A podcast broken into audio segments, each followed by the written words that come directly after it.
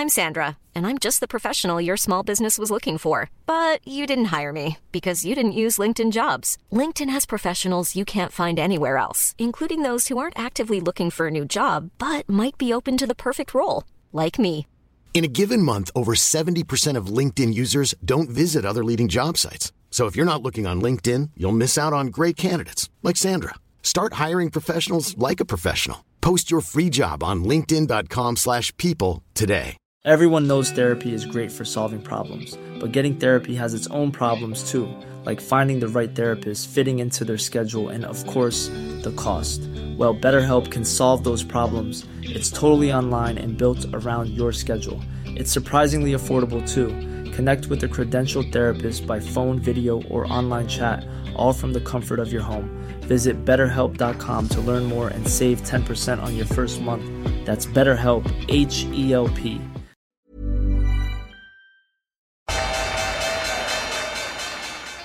They mistook leverage for genius. Leverage for genius. I would recommend Japan. The governments don't rule the world. Goldman Sachs rules the world. Velkommen til Tid er penger, en podkast med Peter Warren. Dette er uh, episode 137. Jeg heter Sverre og produserer denne podkasten. Trykker litt på av og til på record og stopp og sånne ting. Og i tillegg så deltar jeg litt i uh, diskusjonen av og til. I dag er en, en liten oppheta debatt. Eh, det viktigste alt er markedet i dag. Det er, dette er jo en podkast om finans, og det er aller høyeste grad ting å snakke om nå, det som skjer i, i markedene. Vi ser et såkalt whipsaw-marked der vi går fra ekstrem negativitet, bullishness, nei, bearishness, og så går vi til ekstremt optimisme, bullishness. Og eh, det er et, et unaturlig marked da, og vi går i dybden, og Peter har veldig mange interessante refleksjoner på det. Vi skal diskutere oppstartsselskaper, og hvordan det offentlige har en veldig stor rolle, og spørsmålet er er den første år. Eh, Peter har deltatt i en konferanse med Goldman, som alltid det er interessant å høre hva de eh, smarte, rike eh, får, får høre av hverandre. Og ikke minst skal vi diskutere det nye fondet til Røkke, som er avsindig ambisiøst. Røkke skal hente inn 1000 milliarder kroner, og det er noe av det største i verden. Så eh, Peter gjør noen refleksjoner rundt det. Ellers så kan jeg si at vi har oppdatert hjemmesida vår en lite grann siden sist. Så hvis jeg går inn på tiderpenger.no, så ser du at eh, det, den har fått eh, annet en ny seksjon som vi har, vi har endra litt navn på en, som heter Bokanbefalinger. Der kan du se ei liste. Foreløpig er det tolv bøker der, men det kommer til å bli 80 etter hvert. Som er da alle bøker man anbefaler hvis du har lyst til å lære mer om finans. Praksis er kjøp alle dem, les dem. Da støtter du også podkasten, så det er et samarbeid vi har med Gyllendal, men også du vil lære fryktelig mye. Vi har et nyhetsbrev som vi sender ut samtidig som eh, podkasten går ut. Og hvis du vil støtte podkasten og ha tilgang til det ekstra materialet vi lager, kommer til å bli mer framover, så kan du gå på det som heter Patrion der. Da tror jeg vi går i gang med episoden, som starta litt brått på da vi var midt i en diskusjon. Uh, jeg måtte stoppe jeg måtte stoppe deg fra å, å lage podkast før vi starta podkast, men vi begynner å diskutere om folk er bearish eller ikke, og så bare minne deg på at vi har ikke starta opptak. Det var liksom det siste vi gjorde før jeg trykte på record. Uh, så du mener at du ser at folk er bullish, og jeg sier at hele verdikjeden er bearish? Ja, altså jeg, jeg, sier ikke Ja, jeg oppfatter ikke, jeg oppfatter ikke markedet som, og markedsaktører som, som bearish. Altså jeg, jeg, ser helt klart at det er eh, mange trusler der ute. Um, noen av dem snakker vi om eh, regelmessig, så, sånne ting som, um, som inflasjon, rentehevninger og, og, den type ting. Men av, av, det jeg har sett fra investeringsbanker og analytikere, det, be, altså, det, betyr ikke at de har rett, men, men, jeg ser ikke at det er en sånn bearishness uh, generelt. Men, men, så er det selvfølgelig også en del som advarer mot de endringene som nå er i ferd med å skje. Og da tenker jeg på at, man, at uh, støtten til, uh, til, verdipapirmarkedet altså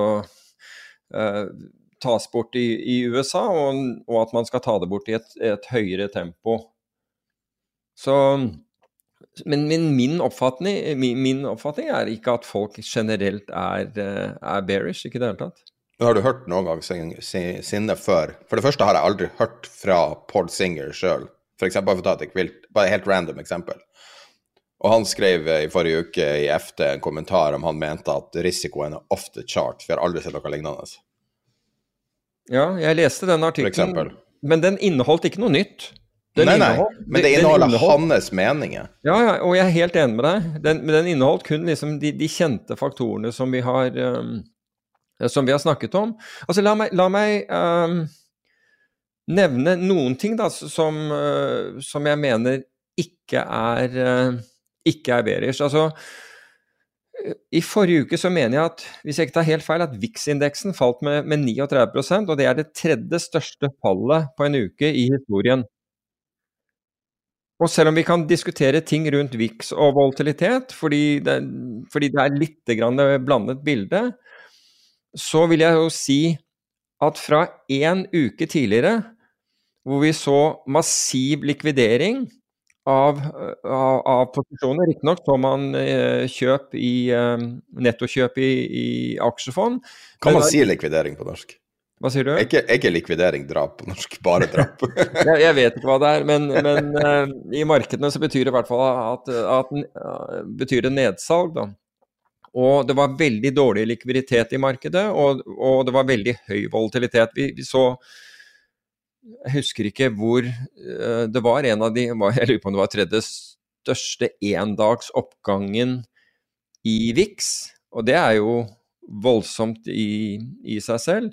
Så markedet gikk da veldig fort fra et marked hvor alle var tilsynelatende veldig avslappet, til at man ikke var det. Og det tok ikke da mer enn et, et, fall på noen prosent, så skremte på en måte det vannet av alle. Men det tror jeg mest av, av alt er fordi belåningen er så høy.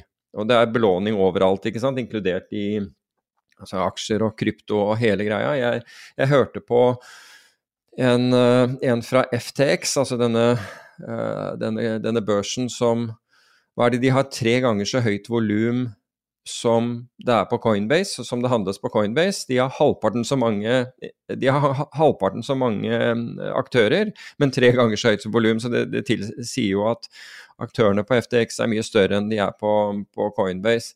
Men han sa at hos oss så er, så er gjennomsnittsbelåningen kun, kun togangeren. Um, mens den er mye høyere andre steder. Så selv i, innenfor selv innenfor eh, krypto så er det skyhøy. Altså i prosentuell belåning, altså kanskje femgangeren for noen. Og det er klart at når du, når du faller 20% så er, betyr det at du ikke har penger igjen. Da, da, da er egenkapitalen din, din uh, borte. Men, men, poenget mitt er at du gikk fra den uken, så kom du inn i neste uke, og så begynte markedet, altså så kom markedet opp igjen. Og da så du uh, Goldman Sachs meldte om den største short-inndekningen de hadde sett, sett, på seks måneder, hvor alle skramblet for å, liksom, å, å, å komme med igjen. Så Ja, det er fra omikron-trussel til omikron er ufarlig nå til Ser ikke så mye snakk om omikron annet enn da i norske medier. Ser ikke så mye snakk om det. Jeg, jeg syns hver eneste nyhetssending har Ja, nyheter, ja, men jeg mener analyser. Og sånn, ja. Ja, det, ja, det kan være, men, men i hvert fall um, så, så, det virker som markedet svinger ufattelig fort her, da. I, ja, men hva er um, det? Altså, når du påpeker, sånn som du påpeker det, ikke sant, så, da er det jo V-viksen, altså volatilitet av viksen, er på eh, Den er veldig høy. Ja, er, på, er, er liksom på en veldig uvanlig Det er en uvanlig måte at markedet fungerer. Og, og, det at alt whipsaw er fram og tilbake på liksom det siste nyhetsbildet, hva det betyr? Jeg... Det betyr rett og slett at du, du kan forvente at, at uh, korreksjoner er Altså det de tror om, om korreksjon, altså det, det man, mange har, tatt, har konkludert med, er at de vil være korte, men brutale. Og det, det kommer veldig mye av den, den, strukturen, altså det, om du vil infrastrukturen av markedet, som ikke består altså Marketmakerne i dag er ikke eh, noen som har tenkt å sitte på posisjoner og akkumulere posisjoner, det er de som skal kvitte seg med det umiddelbart. Og det har blitt veldig kritisert i de to siste ukene Og du sendte jo meg Altså, jeg nevnte jo Eller har jo nevnt dette her over tid, og så kom den Wellington-rapporten som ble gjengitt i, i, Financial Times. Og så kom Goldman med en tilsvarende rapport som viser at, at likviditeten har falt til en fjerdedel av hva den var for ikke så lenge siden. Og det er jo klart urovekkende når markedene er blitt mye større, og du kan tenke deg at hvis noen store skal ut av markedet, så får de desto dårligere priser. Det er, altså det, det er, veldig vanskelig. Og Jeg snakket med en aktør, som, en high frequency-aktør på, uh, på, på, fredag. Og jeg spurte han om Fordi vi, vi har snakket om det som er top of book, dvs. Si beste kjøper og beste selger. Og det man måler, er hvor mye volum, eller du omsetter det til verdi, gjerne en dollarverdi, som ligger på, på, på, beste kjøper og beste selger, og den er nå falt til ca. 5 millioner dollar når det gjelder SMP 500 indeksfuturen, som er regnet som et av de mest likvide instrumentene der ute. Og det high frequency-tradere gjør, det er jo at de, de er nødt til å stille kjøper og selger, og de er nødt til å stille kjøper og selger innenfor et visst intervall. Men det intervallet betyr ikke at de er top of book hele tiden. En, noen er det, men ikke alle. Slik at de beregner da Hele tiden så sitter de og ser på ordreboken, og så velger de selv når de skal være top of book.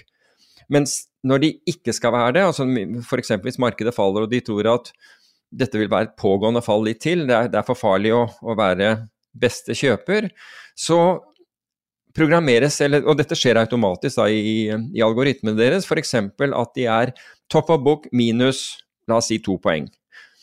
Slik at hvis, uh, hvis, markedet er 22 kjøper, så er de 20 kjøper, og hvis markedet faller til 21, så blir de automatisk 19. Og så spurte jeg om uh, hvordan Fordi det man må gjøre da, hvis man skal bli kvitt et stort antall, det er f.eks. hvis markedet er 22 kjøper, det er å, at du er villig til å selge det, det volumet du skal, f.eks. med limit 20, altså hele to poeng under, under det som er beste kjøper. Slik at du skal liksom feie med deg mm. så mye som mulig, for hvis dette går ned med fra 20 til 21,5 til 21 og sånn, så, så, flytter jo disse, disse, ned med den samme avstanden som jeg nevnte i sted. Ja, såkalt slippage. Ja, ja, så det er det som blir slippagen din, ikke sant? Fordi, folk, fordi marketmakerne flytter seg. ikke sant? De er top of book minus f.eks. én, som jeg nevnte i sted. slik at når 22 blir til, til uh, når, når, det er 22 som kjøper, så er de 21. Når det er 21,5, så er de 20,5 osv. Så sånn nedover. Ja. Helt utrolig. Du leste tankene mine der. Mens du, akkurat når du begynte å snakke, så tenkte jeg jeg skulle spørre deg hva er prisen du må betale for å selge f.eks. 10% av aksjene i et selskap, eller nå mm. og før. Og det er jo det er jo hyggelig at du bare leser tankene. ja, men, men, men, det som skjer da, det er at store aktører de analyserer også ordreboken. altså Store virkelige aktører, f.eks. fond og, og, store institusjoner, pensjonskasser osv. De har også algoritmer som leser ordreboken. slik at hvis de skal ut med et stort volum, så regner de da på basis av ordreboken hvor langt ned de er nødt til å eh, Altså hvor stor slippage, som du kaller det, altså hvor, hvor stort avvik fra den kursen hvor de begynner å selge, de må tåle for å komme ut av det. Um, og da vil jo maskinene deres f.eks. når markedet er 22 kjøper, så, så, sier de selv to millioner aksjer, eller hva, hva, det måtte være, med limit 20, og så smeller da algoritmen deres til eh, kjøpekursen, som da Og da handler den da på 22, 21,5, 21, ikke sant, hele veien nedover til den ordren er, er fylt, men ikke lavere enn en 20. Og da spurte jeg om, om high frequency er de raske nok når det kommer inn en sånn ordre til å selge på La oss si at de ligger 21, altså de ligger én under hele tiden. Er de raske nok da til å komme seg unna? Og da fortalte han at på de fleste markedsplasser så var de det. Da vil du aldri klare å treffe dem. Så uansett hva, hva du hiver inn, så er de raskere. Så selv om du går 20, så er, har de klart å flytte seg. Altså fordi dette går jo da på mikrosekunder. De har, klart å, de har klart å flytte seg vekk. Og det er jo en av de der tingene som Jeg mener også Paul Singer um, påpekte det. at, at likviditet, altså likviditeten er lav, og når du får lav likviditet, og markedet ombestemmer seg og begynner å gjøre noe, så slår det mye kraftigere ut. Så vi må forvente mye større bevegelser um, enn en ellers. Men min tanke rundt dette her, og min filosofering rundt dette her, er jo at hvis det er riktig, at markedet er sånn at det vil flytte seg mye raskere, så slik at du, du klarer ikke å få, få solgt på de, på de kursene øh, øh, som du tror du kan få solgt på, så er faktisk opsjonsmarkedet underpriset. Fordi når du kjøper f.eks. en salgsopsjon, og den salgsopsjonen er, la oss si at den var 22, da, at du har retten til å selge på 22, da har du retten til å selge på 22. Det er ikke slik at hvis markedet er 20 eller 19 i neste sekund, at du ikke har rett til å selge på 22. Du har fortsatt retten til å, til å selge aksjene dine på, på 22. Det, er det du har betalt for. Og jeg mener at Og Goldman er inne på i den der rapporten uh, som du uh, sendte til meg, så mener jeg at jeg, jeg, tror at egentlig at opsjoner er, er basically underpriset. Men så, så, snakker Goldman om denne enorme skuen som nå er tilbake i markedet. Altså Vi hadde jo denne skjevdelingen hvor interessen for kjøpsopsjoner ble så sterk en periode at den kurven flatnet ut. Altså det man er villig til å betale for, uh, for uh, opsjoner som er under eller over, over hvis det er kjøpsopsjoner, under hvis det er salgsopsjoner, dagens kurs. Det vi kaller out of the money-opsjoner. Og jeg så på noen av disse fordi vi ja, Det er jo kanskje en måned tilbake, eller i hvert fall tre uker, så snakket jeg om en strategi hvor man kunne sikre seg ganske godt. Fordi nå hadde vi liksom de fleste børsene på all time, i hvert fall i nærheten av all time high, og man har et fantastisk godt resultat. Så syns jeg det var attraktivt, på basis av den skuen som var, å selge eh, hvis, du tok, hvis du solgte porteføljen Eh, der vi er nå, og samtidig kjøpte en, en out of the money kjøpsopsjon, altså en kjøpsopsjon eh, som da lå jeg tror det var på det tidspunktet ca. 3% over dagens kurs, eller 2% over dagens kurs, så kunne du betale den med å utstede en salgsopsjon 10 uh, under dagens kurs. Så hvis du tenker deg at du er en investor som har tenkt å være i markedet, så får du da den situasjonen at nå har du solgt på da nær all time high, du vil, men du vil få tilbake, hvis dette faller, så vil du få tilbake posisjonen din hvis markedet faller 10% Med andre ord, hvis du tenker deg at Oslo Børs er vel opp noen, litt over 20% eller for USAs del da 26% så ville du ha sikret deg Du hadde kommet deg ut av det, men du får tilbake posisjonen din da eh, 10% lavere, altså med andre ord da Da har du på en måte sikret Du er fortsatt long markedet, men du har sikret de 10 prosentene, så du vil slå alle andre eh, som du da konkurrerer med, ganske kraftig. Men så kan du si at hva hvis markedet gikk opp, bare fortsatte oppover? Jo, da vil du gi fra deg ca. 2% før du var long marked igjen. Og jeg så på prisene nå i helgen, og det, og det samme gjelder egentlig nå. Altså hvis du skal være 10% på nedsiden, så er det eller 10% er ca. 3, cirka 3 av oppsiden. Så hvis du utsteder en Hvis du kjøper deg en Altså, du selger porteføljen din i dag, og vi snakker jo om dette rundt uh, rundt årsskiftet, hvor du skal på en måte sikre bonus og sikre resultater og hele greia, så er du, så er du med hvis markedet stiger da eh, cirka, altså vi, med videre hvis markedet går 3% opp herfra. Så, så du gir fra deg riktignok 3% men du sitter jo tross alt på pengene dine. Eh, mens du vil få tilbake porteføljen din 10% lenger ned. Du kan, men du kan gjøre det smalere, du kan gjøre det 5% og 2% Altså du kan utstede en, en, en salgsopsjon som er 5% under, og da, du, og da, får du eh, retten til å kjøpe markedet tilbake igjen på 2% opp. Så, så, det er en ganske kraftig sku, og jeg tenker jo at er, altså, den, den er interessant for de som ønsker å være som ønsker å beholde posisjonene sine, og gir de anledning da til å For har du solgt her hvor du er i dag, så er det jo det som er Da har du realisert, altså da har du, da har du, da har du fastslått resultatet ditt. Det kan bli bedre hvis markedet går 3 oppover, da, da, da, har du, da er du med videre. Men du har tatt, tatt bort 10 av nedsiden.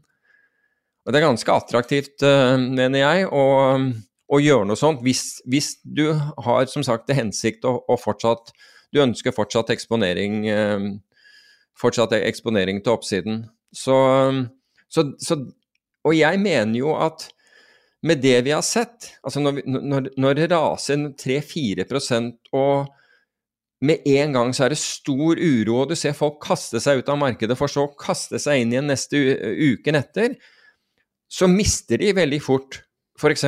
2 eller 3% bare på den øvelsen der. Mens de egentlig kunne ha sittet i ro.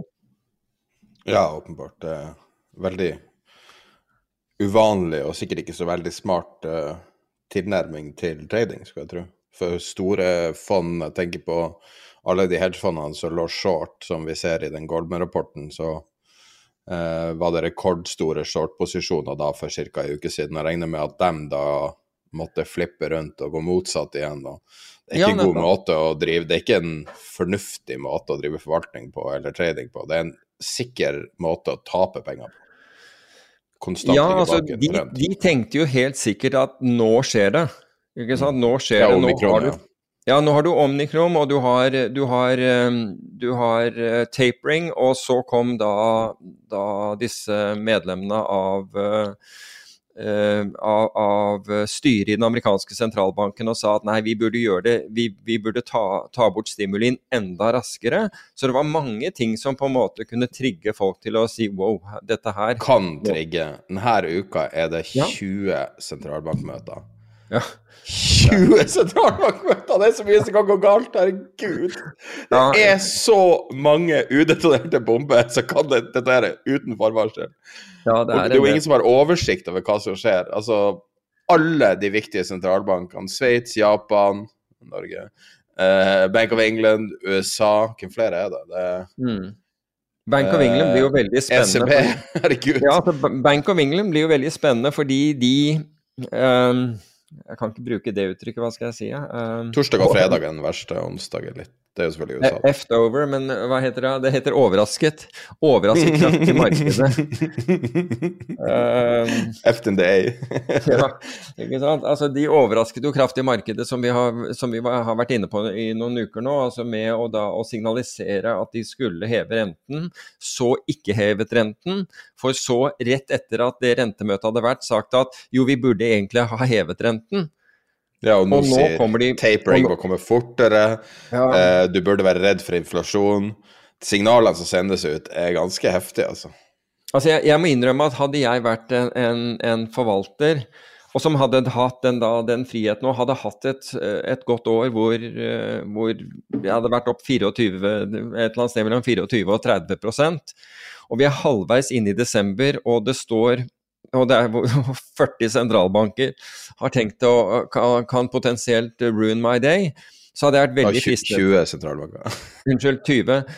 Men det, det, altså, da hadde jeg vært fristende i hvert fall til å gjøre altså gjøre noen sånne opsjonsforretninger, tror jeg alle det er uh... Vet du hva jeg hadde vært frista til å gjøre? Dumpe alt og kjøpe gull. Kjøpe den tingen som alle har glemt.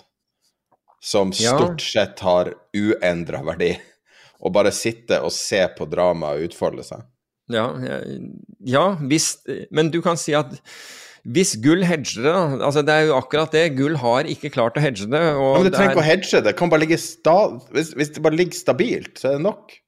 Hvis ja. du har 25% i år, eller, eller, som du sier, du har 5x giring Tenk, OK, Warren Buffett. Han er så stor at han kan ikke kjøpe gull, fordi han vil da vippe hele gullmarkedet av pinnen. Halve hans portefølje er Apple. Visste du mm. Nei, jeg visste ikke det. Halve, halvparten av alle pengene til Berkshire Hathaway er investert i Apple-aksjer. Så går du og ser på Apple-aksjen, verdens største selskap.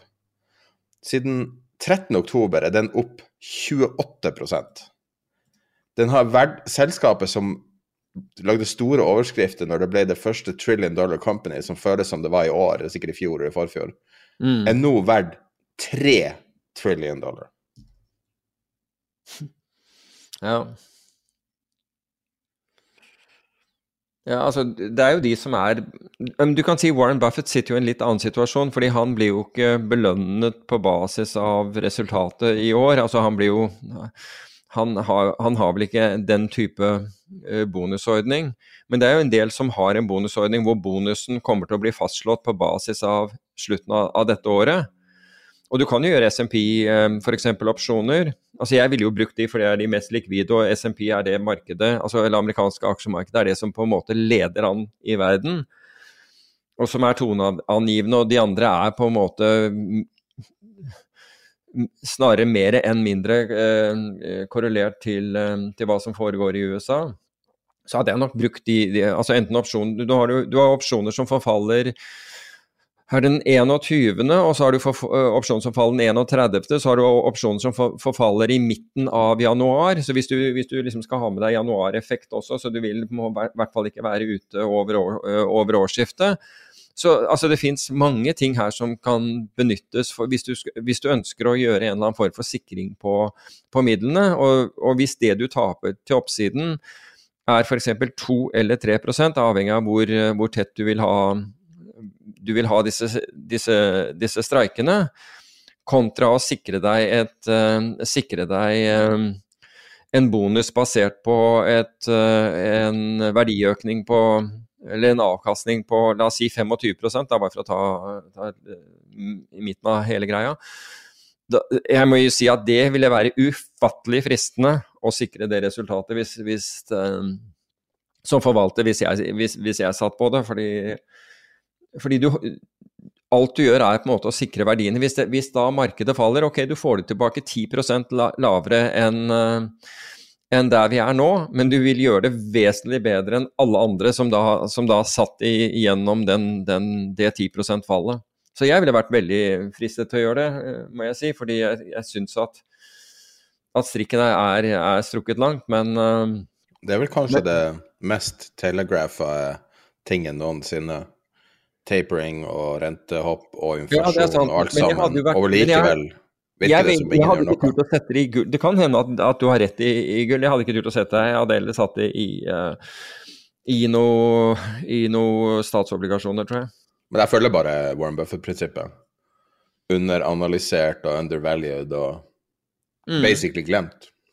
Ja, jeg, jeg, er ikke uenig med deg om, i det. og jeg er ikke det. Jeg har kanskje blitt Altså De gangene hvor jeg klarte å altså Bortsett fra i ren trading, kortsiktig trading, så var det de gangene jeg klarte å tjene penger på gull, det var når jeg, når jeg la, gjorde det gjennom opsjonsposisjoner. Men har du noen gang vært i et marked med angropriser i Tyskland opp 16,6 year on year? Nei, det, eller nei, så gammel er jeg ikke. At jeg, husker, at jeg, husker, når det var verre enn det. Men eh, nei, de ja, Du må kanskje tilbake til Weimar for å finne like ille? Seriøst? Nettopp. Det kan være det. Jeg vet ikke om 16,6 er Altså, det er jo noe som vil forplante seg så til de grader ut i prisene. I det ja. mest prissensitive markedet på jorda. Men nå, altså med, det, med, med tallene som kom fra uh, de, de, norske inflasjonstallene som kom i, i forrige uke, så føler jeg endelig at det går an å slippe skuldrene og ikke måtte krangle med alle som, som mente at uh, vi tok feil når det gjaldt uh, inflasjonen i Norge, at, var, at, det var fortsatt lav inflasjon. Og det var, det var, rett og slett ikke inflasjon. Jeg har ikke hørt én komme tilbake og si du, sorry, du, du hadde helt rett. Jeg har heller ikke hørt folk snakke om MMT på en stund. Nei, men, men jeg må innrømme altså, jeg mener, Vi ble jo bombardert i en periode ja. med, med, synspunkter om at, at, eh, at, vi tok feil når det gjaldt, eh, når det gjaldt norsk inflasjon. Og jeg fatter ikke. altså Du ser det rett foran deg, og, og folk bare lukker øynene og sier at det eksisterer ikke. Det er, det er jo interessant. Men så kom tallene fra USA, da, som ikke har hatt høyere inflasjon på, på 40 år. Det er jo Jeg var tre måneder gammel sist gang USA hadde høyere inflasjon. Ja. Forresten er jeg snart 40. men, men, eh, men, jeg så jo da, da uh, Hva heter nickname? Det heter uh, nye kallenavnet på, på, på, Jerome Powell, altså amerikanske sentralbanksjefen, som var 'wrong for long'.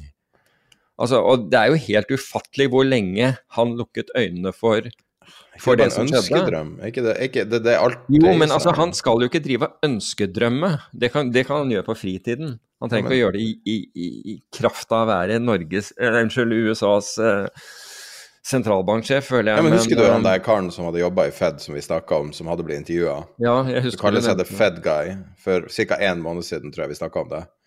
Eh, han hadde dukka opp i en podkast som intervjuobjekt. Og en av de tingene han sa, både mellom linjene og direkte, er at ja, folkene er ikke så veldig smart som du tror de er. Altså, de, de er ikke helt det du tror de er. Og, og at kompetanse Og så spurte de ja, hva du, syns, hva du tror de syns om bitcoin. Så jeg, jeg tror ikke de skjønner bitcoin. Og så bare Å ja, OK. nå, nå fortsatt har de problemer med det. Og nå når du begynner å se på da at de har en sånn ønskedrømtilnærming til uh, inflasjon, så bare ja, kanskje de bare ikke er flinke. Kanskje de er elendige i jobben sin. Hvorfor er ikke det mulig? Ja, altså du jeg, det, det, det, det så jo tvil om integriteten til et helt system hvis, hvis Ja, du men hvorfor du ikke? Etter, etter QE i tolv år, hvorfor ikke så tvil om det? Ja, jeg, jeg, er ikke, jeg er ikke uenig. Er ikke uenig. Det, er noe sånn der fundamentalt i meg som gjør at jeg- at jeg syns det er vondt å tenke den tanken. Men jeg kan jo ikke si at du tar feil heller. Nei. Fordi det virker som Jay Powell var den siste på planeten til å oppdage inflasjon, og det, altså, når han burde ha vært den første. Og det er jo helt vanvittig, rett og slett. Helt vanvittig. Jeg tror det var i sommer, eller når det var.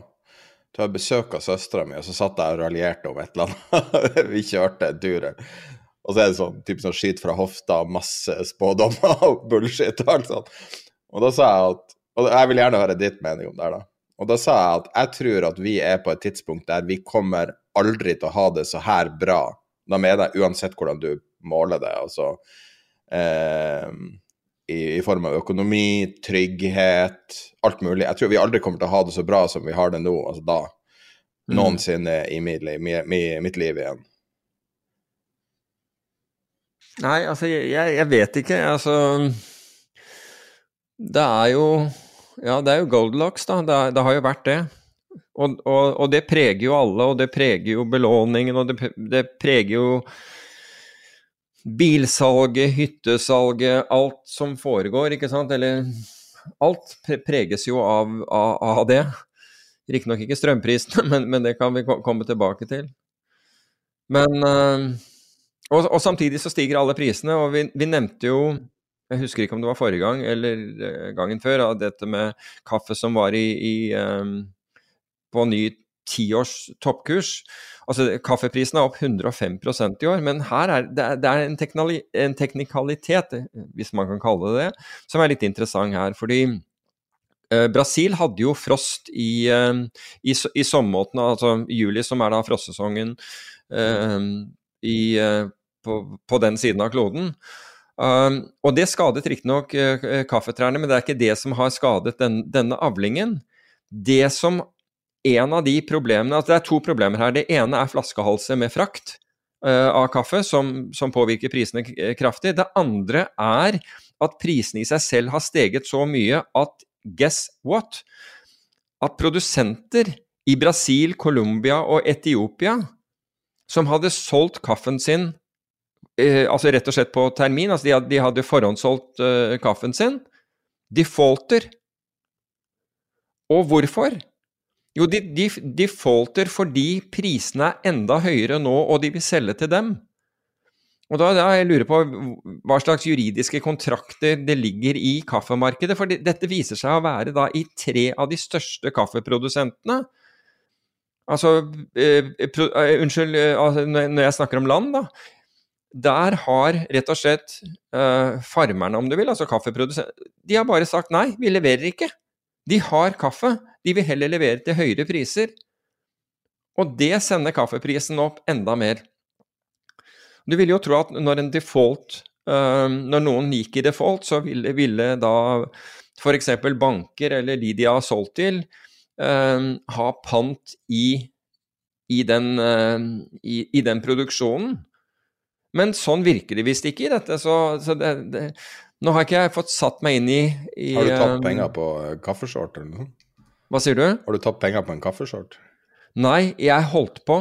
Ja, ja, det. Eller det, det, det er veldig uvanlige ting å bry seg om nå, selv om det er opp masse. Så Eller, det, de, vil, det. vil si at nei, det var, jeg holdt egentlig ikke på å gjøre det. Det som skjedde var jo at um, Apropos det, det var at traderne rundt meg, dette var en, da jeg arbeidet i, i London med, med, med råvarer, så var en god del av traderne rundt meg short kaffe.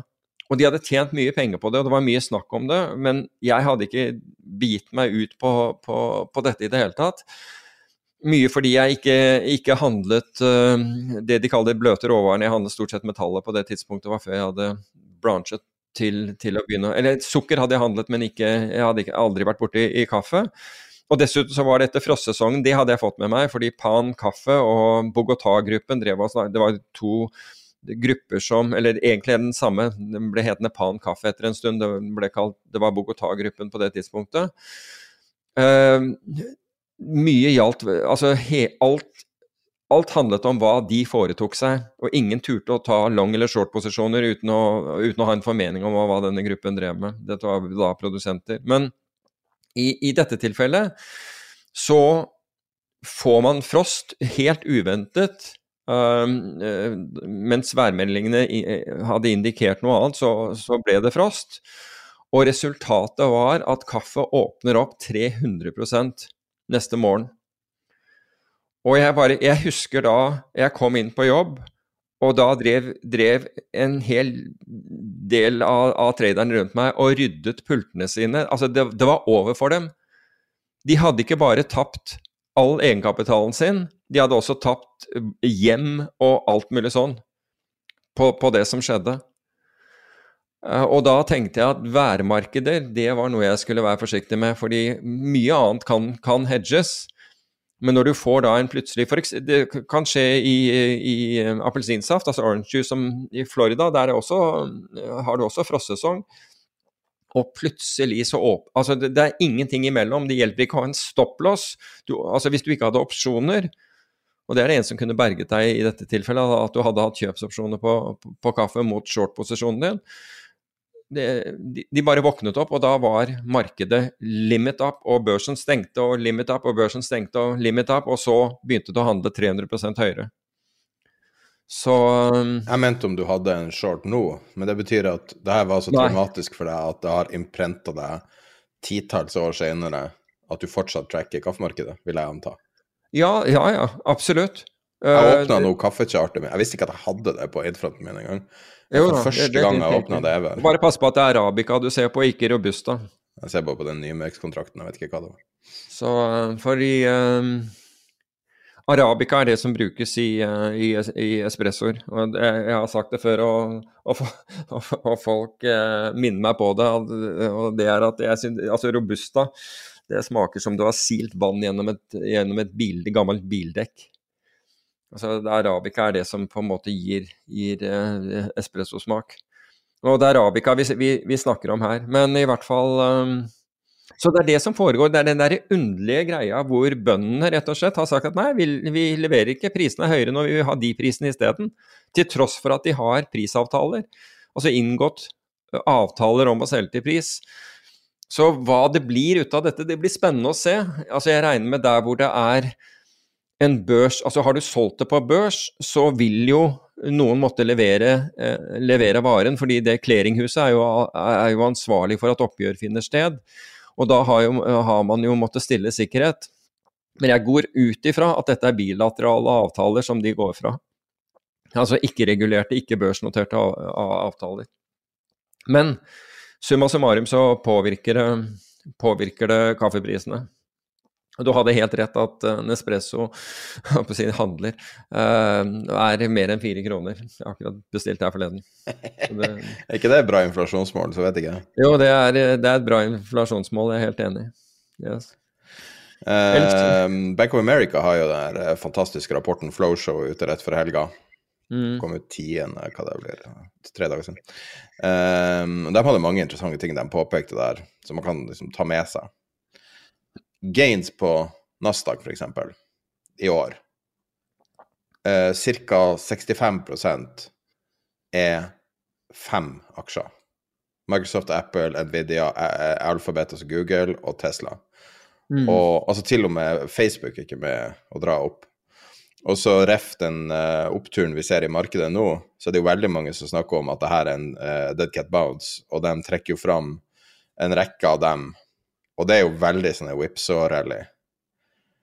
Eh, og de også hevder en ganske overraskende ting, som er at du ser ikke en tydelig contagion fra Evergrande default til resten av markedet i Kina. Og de snakker om at Kina er et eh, potensiell, eh, altså potensiell oppside der i det markedet? Uh, det kan jo være det. Uh, nå har det jo skjedd altså i forbindelse med altså det, det er, Så vidt jeg vet, så er det vel bare én som har, har uh, erklært Evergrande-gjeld default, og det er Fitch. Og det var en gjeld på 82,5 milliard dollar som ikke ble, ble betalt. Og det er, all, altså det er utenlandske obligasjoner, det er ikke obligasjoner solgt i, i Kina. Um, men det er, det er, en default på dem. Men i samme moment si, eh, så, så, har jo da Bank of China De har da eh, injected hva, hva, kaller du det på norsk? Injisert, det høres jo helt merkelig ut. 188 milliarder dollar, tilsvarende det i, i markedet, eh, for, for, å hjelpe på, på, på likviditeten. Men det har da heller ikke forhindret at et annet av disse eiendomsselskapene, som jeg mener heter Kajsa eller noe, ja, noe slikt Ja, de sier uh, ingen contagion fra Evergrande slash Kajsa.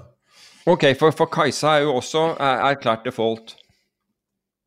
Men husker du altså hvordan samtalen var opprinnelig når folk, folk hørte navnet Evergrande for første gang? Ja. Så var det jo basert på at det her er the end of times. Det her er the end of the end. At liksom det, det er ingen coming back fra det her. Og så mm. skjedde mm. ingenting. Og så fikk folk tid til å stokke om på kortene og justere rundt på regnearkene og flytte litt risk og ditt og datt og så videre. Og så går tida, og plutselig så er ikke det her end of days lenger. Det er jo Nei, det altså, men, men virker, ofte er det jo sånn når vi har bare fått tid til å justere oss litt, og det er derfor, det er derfor man har børspauser også, fordi får roet folk litt ned, og det, det varer riktignok kun i minutter, men uh, Bortsett fra hvis det er ille nok, så stenger man for dagen. Men, men altså, vi har jo da en evne til å, til å roe oss litt ned når vi har fått tenkt oss om og sett på, på muligheter. For øvrig, Kajsa, der er det vel der, Den defaulten der er jo da vesentlig, vesentlig mindre. Det er vel 400 millioner dollar bånd som, som, som, det dreier seg om. Men i hvert fall, altså kinesiske myndigheter trøkka inn 188 milliarder dollar i, i markedet, og det, det hjalp, det. Er ikke det litt artig at alle de selskapene har sånne rare navn? Gunvor og Kajsa. ja, Gunvor er jo en råvaretrader i, uh, i Sveits. Jeg syns det var artig. Det er den gamle nettavisen-spøken om Pulte Group. Herregud, det, det var hver gang det var noe kvartalstall, så hadde Nettavisen en nytt utrolig barnslig ordspill. ja, nettopp. nettopp. Eh, men uh, altså Gunvor er jo veldig godt kjent da, i markedet. Kajsa er jo kanskje ja, kjent, kjent, blant de, de, spesielt interesserte. Men Gunvor er like kjent som, uh, som Trafigura, blant annet. Ikke sant? Som for øvrig kom med, med rekordresultat, bare så det er sagt så mye at de skulle betale Hva var det de skulle betale traderne sine? At, var det 1 milliard dollar i bonus, eller noe sånt noe? Når vi først er inne på at jeg er useriøs og, og avsporer litt, er det en gåte til, da? ok. Hva har Hitler og Elon Musk til felles? Utenom sveisen, da. Utenom sveisen. Uh, sa du Elon Musk, eller sa du Erik Must?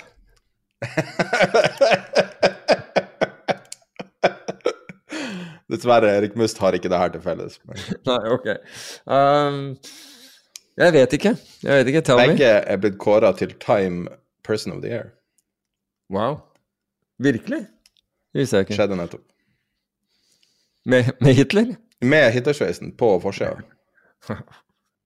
Yes, nei, uh, nei, det visste jeg ikke. Det visste jeg riktignok ikke. Jeg vet ikke Men han hadde litt av et år, altså. Jesus. Han virker å ja. være helt immun mot børsfall også. Helt seg over 1000 dollar. Ja. Han er enig i det. Han virker det. Um, så det er bra at det er, du har gull, du har masse puttopsjoner, og så har du Tesla som en hedge mot alt. Mm. Men det var vel stort sett de der tingene, altså bortsett fra at vi, vi endelig fikk den der kraftsaken. Uh, at vi fikk uh, at regjeringen endelig uh, Jeg syns ikke det var så dårlig det de endte på. Uh, egentlig, ikke så veldig langt altså, unna det vi snakka om. Husker du han, han uh, vår strømrådgiver? Han, han lufta jo en idé ganske tidlig som var ganske lik den ideen mm. de endte opp med Og. Han sa jo alt over ei krone, og de skal ta halvparten over 70 øre, var det? Ja. Men når du tenker på Altså, dette er et tiltak da som Har du hørt. Aftenpodden sitt tiltak, forresten? Hva sier du? De, har du hørt Aftenpodden sin idé? Altså hun, redaktøren i Aftenposten? Nei. Jeg syns hun hadde en, en, fryktelig bra approach på det her. Det var selg all krafta du kan til Norge. Behandle det som olje, som gass, som alt. Bare selg alt du har. Vi har en naturressurs den må man maksimere verdien av. Og så kan vi heller bare subsidiere kraft, altså bare rett og slett betale folk cash tilbake i Norge etterpå. Mm. Og det syns jeg egentlig Altså, hvis du har lyst til å vinne politiske poenger, hvis du er Jonas Gahr Støre nå, som bare står i storm etter storm etter storm, og han har så vidt rukket å sette seg i stolen Og så hvis han går inn og sier at vi betaler all strømmen ned til 20 øre, eller noe helt absurd, og så drar han en Putin som subsidierer gassen i, i Russland, og så, og så blir han altså det, Snakk om et billig, eller anførselstegn billig, men eh, politisk eh, poeng å vinne, da. Og man kan få slutt, for den strømdebatten er jo nå så red hot som jeg aldri har sett en, en debatt være blant vanlige folk, altså blant liksom alle. Ja, men man blir jo truffet liksom av mange ting samtidig. Altså, øh, her, ikke sant. Eksporten av øh, Økt eksport av strøm takket være den kabelen til uh, til Storbritannia, som da skal opp i 100 ja, Tenk deg hvis man hadde da snudd på hele debatten og sier vi selger alt. Vi selger alt ja, ja. vi klarer å få tak i, klarer å få ut av landet. Men du må ikke betale mer. Ja, ja. Men uh, hvis du ser på tallene, da, altså, så er det snakk om at regjeringen her tjener Altså, denne, denne kostnaden er, er, eh, er beregnet til 5 milliarder kroner. Og så tenker oh wow, 5 milliarder kroner, det får vi av regjeringen. Nei, det er dine egne penger som brukes her, bare så det er klart. ikke sant? Regjeringen bare forvalter uh, borgernes penger. Det er, ikke regjeringen, det er ikke regjeringen sine penger. Det virker nesten sånn at når, eh, når, det blir eh, introdusert som en form for gavepakke eller et eller annet sånn. Men det til tross, så vil jo da regjeringen tjene et eller annet sted, eller landet, tjene mellom 30 og 40 milliarder kroner ekstra, ekstra i forhold til i fjor, på de høye prisene. Så det man får, er et eller annet sted mellom en sjettedel og en åttendedel tilbake til velgerne, om du vil, tilbake til befolkningen. Så hvis du ser det i det lyset der, så er det ikke all verden, altså. Ja, nei, her, her, men jeg syns ideen om å bare penger inn i statskassen. Problemet er debatten. Det er debatten som er problemet. Det er så politisk katastrofe, det som skjer nå. Nå mm. snakker vi aldri om politikk, men det at du går rett i lommeboka på folk, det er jo det, det, vi snakka om tidligere, det er muligheten for at det var uh, hevinga av um, de her, pensjons, nei, de her uh, forsikringspremiene rett før valget som gjorde at det var den egentlige triggeren, en, en mm. konspirasjonsteori nesten, men egentlig triggeren for at Trump vant valget opprinnelig, fordi at folk hadde nettopp fått det brevet om at, om at Obamacare kom til å bli mye dyrere, og så mm var det en upset at han vant. Men uh, mitt poeng, det som jeg syns var så bra med Aftenpodden sin, sin, idé, var at den var så enkel. gjør som Sør-Korea, de har jo makspris på strøm. De subsidierer strømmen over et visst beløp. Mm. Og så bare, ja. ok, Setter du det på et latterlig lavt nivå, og så får du aldri en avisartikkel igjen om hvor mye det koster å dusje. Og så er det problemet løst. Det koster masse, mm. men det er løst. Jeg vet ikke. Ja, altså Ja. Det er, det er, noen, det er en voldsom uh, Altså, det er voldsomt hvor mye dette slår ut på, uh, på privatøkonomien. Altså. Det, er ja, det her er inflasjon i verste sort. Ja, ja. Absolutt. Det her er sånn inflasjon ser ut. Ja. Folk sier nei, det er importert, eller det er eh, skipene utenfor Florida Nei, California, eller Altså, det er liksom en eller annen alltid en bortforklaring, men det her er inflasjon. Ja. De som er, de som er de, altså Jeg har jo på en måte ytret meg noen ganger om dette her og, uh, på, på, på, Twitter. og Motstanden du får da, det, kom, det, det, kommer fra folk som driver med fornybart. ikke sant? Fordi, for nå begynner jo det å bli, bli uh, attraktivt med disse prisene. Så, det så de vil jo gjerne at strømprisene blir så høye som så, så mulig. Men uh, altså, dette er noe man kom, føler på lommebøkene, altså, det er helt garantert. Men altså, poenget er at det var jo i hvert fall bra at man endelig kom til noe tiltak. Uh, og jeg syns ikke, idet jeg hørte det tiltaket, så syns jeg ikke det var, var, var så, så, gærent. Jeg syns det tok lang tid å, å, å, få det frem, men jeg syns ikke det var altså, Det var ikke sånn der umiddelbart at du tenkte å herregud. Og så capper man det, ja ja greit, jeg skjønner det der, fordi det var jo fullt flust av de der som Og det, dette, dette, går til å varme opp uh, Subsidiert oppvarming av svømmebassenger til, til rikinger. Liksom, åh, det, liksom, det, sporer så enormt da, ikke sant. Har du sett han der strømanalytikeren som ligner på Bam Margera? han, som, han som da har, har sikra seg fastpris og får gratis strøm.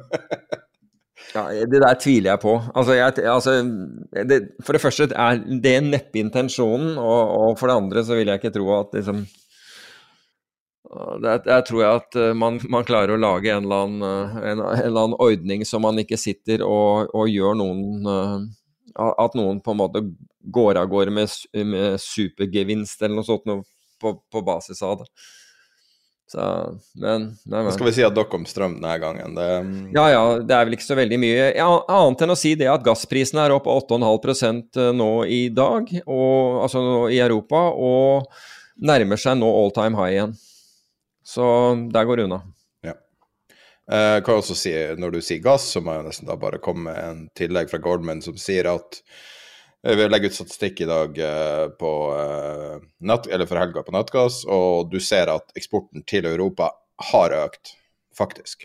Så det er kommet mer gass fra, fra øst. Men ikke mye. Ja, altså, ikke mye. 30% av, altså, av makskapasiteten, men det er noe mer enn null, i hvert fall. Det var jo ja, ja, ja. periode. Alt, alt, hjelper, og det har jo blåst litt, og det er blitt litt mildere og alt mulig sånt nå, så, så, det er jo ikke sånn at det ikke noe positive ting har skjedd her. Enig i det. Ja.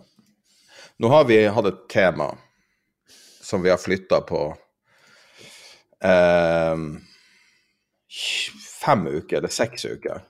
For det starta vel når vi begynte å snakke om når vi begynte å snakke om um, uh, om strøm, og så, kom, så satt vi her og snakka, så bare Hadde du vært og dypdykka i Statkraft? Så bare ja, vent, de har et, de har et hedgefond innad i Statkraft som driver mm. sånn uh, crazy trading og, og taper og tjener utrolig Jeg sa ikke crazy trading, men når de, ha, når de, hadde et fire milliarder kroner tap Ja, ja det høres crazy ut for meg. Ja, så, så er det jo på en måte Jeg syns jo at det er noe man Altså, det var noen som, at, som mente at jeg var negativ til, til Statkraft. Ik ikke i det hele tatt. Altså, jeg syns de har noen fordeler som, som, er diskutable, nemlig at de vet ting, altså de, de vet ting om markedet som kun de vet, og som konkurrentene deres ikke får vite. Det, er liksom, det kan du stille spørsmål om. Men, Men Peter, det jeg gjorde nå, var en overgang. Ja, men la meg Når du først feide inn den der, så, så, så, vil jeg bare rette opp den, den, den biten. Jeg, jeg har ikke noe problem med det, men jeg syns at, Jeg tror ikke noen som opplever at du har det heller. Men tingen var at vi begynte å se på offentlig eierskap, da. Og, ja. øh, og så var det sånn, så begynte å stille sånn spørsmål med ting, liksom. Størrelsesorden. Og så var det en øh, debatt. Jeg, jeg, husker ikke, det var så lenge siden, for vi har gått så mye Vi har skjøvet der så mye, for vi visste ikke hva vi skulle gjøre. men greia var uh, hvor mye er offentlig egentlig innblanda i ting som man normalt forbinder med privat næringsliv i de fleste land. Uh, og det viser seg at de er i veldig mange steder. Så staten har direkte eierskap uh, som går via departementene i 71 forskjellige selskaper i Norge. Og veldig mye av det er infrastruktur, ja, type Telenor, Equinor, sånn type ting. Også Statkraft osv. Uh, og så er det da Litt vanskeligere å skjønne, fordi at det er jo en bieffekt av bailouten i 91. Fortsatt enormt eierskap i DNB, som jeg ikke helt ser like naturlig kobling. Eh, hvis du slår sammen alle statlige eierskaper også gjennom pensjonskasse, så er det nesten 40 mm. Men eh, det er vel, jeg tror det er 3, 3, 34 som er direkte departementet igjen. Ja, og så hvis man setter størrelsesorden, ikke sant. Man snakker om Nord-Norgebanen, f.eks eierskapet i DNB er akkurat like stort, altså markedsverdien av det er like stort som eh, kostnadsestimatet til Nord-Norgebanen. Og det er liksom Hvor mye får du egentlig ut av å eie DNB-aksjer? Så begynner man å tenke sånn, og så er det bare sånn OK, hvordan andre ting er de blanda inn i? Og så kommer vi inn i oppstartssektoren. Noe vi har toucha på mange ganger, av forskjellige ting. Mm. Og så viser det seg at altså, det her er noe man vet. Selvfølgelig alle som har vært i oppstartsverden vet jo det her, men spørsmålet er vel egentlig hvor, om det er rett eller galt. fordi at staten er også innblanda i alle ledd i oppstartsfinansiering. Gjennom Innovasjon Norge, som er veldig velkjent. SkatteFUNN, som også er veldig velkjent. Og så har de da sitt investeringsselskap Investinor. Mm. Og Investinor igjen er med på å side masse eh, al Altså, uh, man har jo en del venturefond som opererer i Norge, som finansierer tidligfase. Og der er Investinor med å side de fondene igjen, og da har indirekte kontroll over dem. Og forvalter 8, de forvalter 8 milliarder og investerte i 79 forskjellige selskaper i Investinor. da. Mm. Og eh, har vært, jeg har vært i denne oppstartsverdenen i mange år og, og kjenner mye folk der og alt sånt. Og min konklusjon er at det er ekstremt destruktivt for miljøet at staten er så innblanda. Og jeg kan si det bl.a. fordi at når jeg var veldig ung, så fikk jeg Innovasjon Norge-støtte til et helt idiotisk prosjekt som aldri burde ha fått ei krone. Og det fikk meg til å begynne å tenke på staten som en destruktiv kraft, på tross av at de gir penger til øst og vest til alle mulige som, som vil ha, nesten. Og jeg hadde litt lyst til å snakke med deg om det, for jeg vet at du ser litt annerledes på det. Ja, jeg gjør det. Um, jeg ser både Innovasjon Norge og for så vidt Investinor også. Som jeg, jeg kjenner mindre til Investinor enn jeg gjør til Innovasjon Norge, men jeg kjenner til det, det også. Um, men jeg tror jo Altså, Norge er et, er et ganske lite land, og det er ikke så greit å få uh, de store WC-ene, altså venturekapitalistene, til å komme til Norge. Og en annen ting er at uh, de ticketene som du skriver i, i, Norge er gjerne mye mindre enn det de er i, i utlandet. Ja, bl.a. pga. opsjonsreglene. Hva sier du? Man kan ikke betale, belønne folk med opsjoner her, for det blir så dyrt. Skatt. Ja, nettopp. Altså, ja, det er forskjellige ting uh, som gjør det. Men jeg tror jo at uh, at Innovasjon Norge og, og, og, de, og disse, disse, statlige har gjort veldig, veldig mye bra. Det, det, det godt, altså det, man har jo helt sikkert gått på smeller. Men det sagt, hvis, du, hvis, man tar Innovasjon Norge, så skal det jo være risiko forbundet med det de gjør. Altså Når de gir et tilskudd, så gjør de ikke det til selskaper hvor, hvor det ikke er risiko. De, deres kapital skal være risikokapital. Og jeg tror at norsk innovasjon har nytt godt av det. Det er, det er sikkert tilfeller hvor, hvor, de ikke har gjort det, og det, og det er selvsagt, uh, siden dette er startfase eller tidligfase selskaper, uh, ting som ikke har gått bra. Men jeg tror alt i alt så, dette, så er, er, det veldig positivt. Jeg, jeg kjenner mange som har, ut, har, har fått Uh, fått hjelp, enten gjennom SkatteFUNN, som du var inne på, og som jeg kan lite om, eller gjennom Innovasjon Norge, og som har klart å etablere lønnsomme bedrifter innenfor, innenfor teknologi, eller som eller innenfor områder hvor det tar lang tid og mye forskning å få resultater. Og, og men føler jeg, jeg, føler vi må, vi må, på en måte begrense det litt. Hvis, hvis, vi begynner å snakke om forskning og, og cluster, for eksempel cancer cluster, alle de tingene, så, så er du, da er du ute på en annen verden. Og, det, og der syns jeg statlige subsidier hører helt hjemme. Jeg snakker om i det konkurranseutsatte markedet som lager tjenester, produkter, alt mulig. Mm. Eh, og, og det, det, som er så skummelt med at staten er blanda inn, er jo at de profesjonelle aktørene eh, ikke vil konkurrere med f.eks. Eh, Andreessen Horowitz. da. Så Mark Andreessen er jeg vil, si, jeg vil si at det er ganske udiskutabel en briljant person. Skapte Netscape. Uh, mm. Har vært en briljant WC og har hatt en vanvittig nese for suksess. Og vanvittig eh, dyktig til å finne riktige folk og utnytte det riktig. Virkelig dyktig. For eksempel eh, ja, Jeg trenger ikke å gå på eksempler, for det er 100 eksempler. Men det som er problemet med at staten er så blanda inn, er at hvis du er en ekstern kapitalist, så sitter du og ser på hele spekteret, så ser du på norsk skattelovgivning, og du ser på norsk innblanding i alle mulige ting, og, og bl.a. det at staten har så indirekte makt over denne sektoren. Og hvis du sammenligner Norge og Sverige, så tror jeg at det er mye mer plausibelt at du går til Sverige, som har da også en mye bedre track record på nyoppstartfirma enn Norge har. Ja, er det dokumentert? Jeg vet ikke. Um, eller Det det er mye, mye større suksess. Altså, sånn, de, de hitene som har kommet ut av Sverige, er jo helt enorme. Og de har jo en helt annen form for industri. Altså, de har jo også en, altså, Tenk deg bare på netthandel og på, på, eh, på software. Altså, sånn, du kan bare tenke på Minecraft, liksom. Altså, Minecraft alene, én mann Men selvfølgelig, det er jo selvfølgelig avhengig av én mann, men likevel. Altså, det kommer ut av Sverige, ikke ut av Norge. Så Norge har Funcom, ikke sant? og Sverige har Minecraft. og, eller uh, Bojang, eller hva det heter for noe. Mojang. Eh, og eh, Norge har eh, Komplett, som har tatt penger hele tida, og Sverige har hva det heter, de her store klesnettbutikkene. Jeg husker ikke hva det heter. Ja, gigantisk. Ja. Så Sverige har historikk med at Family Offices investerer i teknologiselskaper, mens i Norge så er det næringseiendom, ikke sant. Sånn at selvfølgelig en del er skattestrukturen og alt det der, men jeg lurer på om det at staten er blanda inn overalt hvor du går. Se, på, se på konsulentbransjen også. Det er jo eh, Det er også en sånn rapport jeg fant, men det er sånn, sånn ca. 30% tror jeg, av inntektene til konsulentbransjen er det offentlige.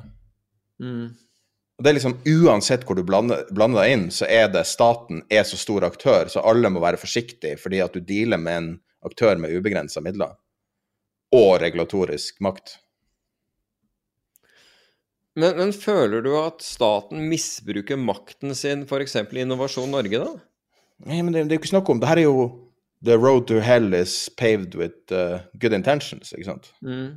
Så det jeg mener er at du, du får ikke de lærepengene du trenger som en, opps, en oppstartsperson. Jeg husker det, For meg så Denne ideen starta for masse år siden når en person Jeg vet ikke om du vet en, Både jeg og du kjenner som hadde fått uh, noen eh, midler og hørte snakk om at de feira med champagne for å få penger fra staten. Og det er spørsmålet, hadde du bare ombranda det her og kalt det Nav, ville han fortsatt ha feira det? Eller ville han ha skjønt hva det her var? Skjønner du hva jeg mener? Jo, men jeg føler jo, altså jeg føler jo ikke at det er der altså Jeg føler jo ikke at for eksempel, Jeg føler ikke at noen, altså ver, verken Investinor eller, eh, eller Innovasjon Norge er der. Jeg føler jo at du må for det første kvalifisere, og du, du, skal da, du, du skal jo dokumentere en hel del ting før du får no, noe som helst. Um, så jeg, jeg, føler jo ikke at dette er penger som bare kastes på folk. Det som jeg føler, altså, eller det, det, eneste sånn ankepunktet uh, Hvis det er det, og det er en form for ankepunkt jeg har i det, det er at av og til så er den, den uh, søknadsprosessen så komplisert at det er egne selskaper som har dukket opp uh, for å og som tar betalt for å, for, for å, skrive søknadene, fordi de er så vanskelige. Mm, hva det sier? Jo men, jo, jo, men jeg er enig i det. Jeg sier at, at det er det ankepunktet jeg egentlig har. At, de, at da begynner det å bli unødvendig komplekst. Og, og, det, og, jeg tror ikke at det var intensjonen å lage det så komplekst, men det, det er, det er nå engang blitt sånn. Og, og, det er jo litt uheldig. At du må betale et eller annet selskap øh, øh, om det er en andel av det du får, eller ja, det, det, blir jo egentlig det samme, eller om du betaler de fra øh, up front, så, så er det, det uheldig. Det som må være krevende for Innovasjon Norge, fordi de, de befinner seg jo spredt over hele landet, det er jo å få uh, Jeg sier ikke at de ikke har nådd det, nådd det men jeg, jeg tenker at det er krevende. Det er å få folk som som er dyktige på altså de, de, får sikkert spørsmål om alt mulig. Hva er det du snakker om nå? Snakker du om uh, konsulentene i staten som sitter og vurderer prosjekter? Ja. Det er, det, det, det er nettopp det som er problemet. Ok. Det er at Mark Andreessen har gjort det sjøl. Det har ikke eh, hvilken som helst eh, offentlig ansatt i de her institusjonene. Og å gjøre sånne ting sjøl er mer eller mindre det vanskeligste mennesket kan gjøre, å bygge opp et stort firma, sånn som han bygde opp Netscape og alt mulig senere. Mm. Og, og, det jeg mener, er at det har blitt bedre. Men det er også altså, for, for, 20 år siden så var det mest ikke WC-penger i Norge, nå er det litt. Men det er ikke all verdens, altså Ja. fortsatt. Men Men problemet er fortsatt, når det gjelder WC-penger, det er at ticketene må være over en viss størrelse. Ja, men, men det er det som er at du kan ikke Ja, det er jeg enig i, men du kan ikke bare si Altså, det er liksom chicken and egg her, ikke sant? Jo, men, men, det, er, men det, det er akkurat det, det som er poenget mitt. Det er at det, det, du må da ha klart å etablere noe og få det opp å stå, slik at den fasen hvor du kanskje mest trenger hjelp til, den tyngste fasen, den, den er vanskelig å komme i gang. Og hvis du ikke, hvis du ikke, får, hvis du ikke får noe stimuli der og, og altså Det motsatte, det var Og, og dette har jeg fortalt eh, tidligere, da, da jeg traff en, eh, en, en nordmann som hadde bosatt seg i, eh, i nærheten av, av, San Francisco. Og han hadde leid kontorer, og første dagen hvor, i, eh, hvor de driver og flytter inn i kontoret, så dukker det opp en kar i lokalet og spør etter han. Og han liksom senser med en gang at dette her er en myndighetsperson, så det første han tenker på, hva har jeg gjort gærent nå? Hva har jeg gjort gærent nå? Og så var dette en fyr som kom da fra ordførerens kontor. Og, som, og, og da ble han jo enda mer skeptisk. Og så spør han ja, hva dreier det seg om? Nei, vi bare lurer på hva vi kan gjøre for å hjelpe deg i gang. Og han sa at det var den store forskjellen mellom det å etablere en virksomhet i USA og i Norge, det var at i USA så, ønsket, så heiet alle på deg og ønsket deg vel. Og du fikk alle mulige eh, Du kunne få alle mulige du, Altså skattekutt og alt mulig sånn idet du begynte i, eh, i, i virksomhet. De la, de la det virkelig til rette for deg. Introduserte deg for folk i næringslivet um, og hjalp deg i gang. Mens i Norge så hadde han inntrykk av at folk så motsatt på deg når du begynte med noe. Og, og, og derfor så jeg, tenker jeg at vi trenger noen sånn som Innovasjon Norge. Altså, Norge trenger Og jeg, jeg antar at tanken var det der at uh, vi går fra en en, uh, en uh, fossil brennstoff drevet økonomi, i hvert fall har det vært en stor del av, av vår økonomi. Og vi ønsker å fase ut den, og da må vi ha andre ting å, å leve av. Så vi trenger da å stimulere næringslivet i gang med andre ting. Det Jo, men det som er poenget, er at de vil stimulere og kontrollere. Og de vil kontrollere at- stimulansen. De kunne ha åpna opp og sagt Kom inn, kom inn, alle profesjonelle pengefolk, og kom inn og, og dryss penger på våre eh, gründere og alt mulig. Men det er det verste tenkelige scenarioet. Her er det at staten ikke bare skal legge til rette, men de skal også legge fingeren på vekta. Og og i en oppstartsbedrift eller i hvilken som helst bedrift, så kan en liten margin være forskjellen på suksess og, og feile. For nesten alle store suksessbedrifter har vært nær avgrunnen. Og mitt poeng er at du stimulerer til feil type bedrifter med å ha staten innblanda. Du ender opp med bedrifter som tenker som staten. De tenker som en søker. Og når du da til syvende og sist ser på resultatet, så ser du at resultatet av de her store monstrene, altså de virkelige som flytter virkelig, eh, flytter piler BNP-messig og alt mulig, er i Sverige og ikke i Norge. Jo, men hør her. Hvis du starter en bedrift, og, øh, og, og du trenger hjelp, så vil jo den Om den hjelpen kommer fra staten eller fra WC, så vil du bli styrt. Ja, ja, ja, selvfølgelig. Det, det er grusomt å ha investorer, det er ikke det jeg mener. Men Føler du virkelig at f.eks. Innovasjon Norge er utidig for, i, i forhold til styring? Nei, Jeg har- jeg har nei absolutt ikke. Det er det motsatte. Du, du, du, det er ikke det at du blir kontrollert. Det er ikke det jeg mener. Jeg mener det at de strukturene som er lagt i grunn, gjør at det første instinktet til folk er Innovasjon Norge. Det neste instinktet er SkatteFUNN. Jeg kan si et eksempel, da, men jeg kan ikke navngi det. Dette er et firma som jeg har sett i, i mange år, som har holdt på, som har et, det verste produktet jeg har sett, tror jeg. Altså, det er et verdiløst produkt, objektivt sett. Jeg skjønner ikke helt poenget med at det eksisterer, men det er pakka inn på en måte som gjør at det ser veldig vakkert ut. De har fått utallige støtter fra utallige eh, institusjoner og gjør mange ting Jeg må anonymisere det her, fordi det er ganske lett å gjette hvis jeg sier noe som helst. Mm. Og, og jeg, jeg kan ikke si Ja. Eh, hold fortsatt på og blir fortsatt eh, dratt opp og fram på alle måter. Og det som er problemet her, er at for det første så kommer det firmaet aldri til å gå noen vei. Du kan måle det uten å, uten å ha noe innsikt i bedriften, så ser du at det her funker ikke. Og folk kan kaste bort masse år på å gjøre ingenting. Hadde de vært ute i det harde markedet, den virkelige verden, så ville de ha blitt slått ned så fort at de bare hadde gitt opp. Og i veldig mange tilfeller så er den viktigste delen av å starte et firma er når det ikke funker og du gir opp. Og det å kjenne kniven Hvis dine instinkter er nei, jeg skal bare søke på det middelet og det middelet og det middelet og holde det gående og så Det du ikke skjønner, er at du er på Nav. Det bare heter ikke Nav.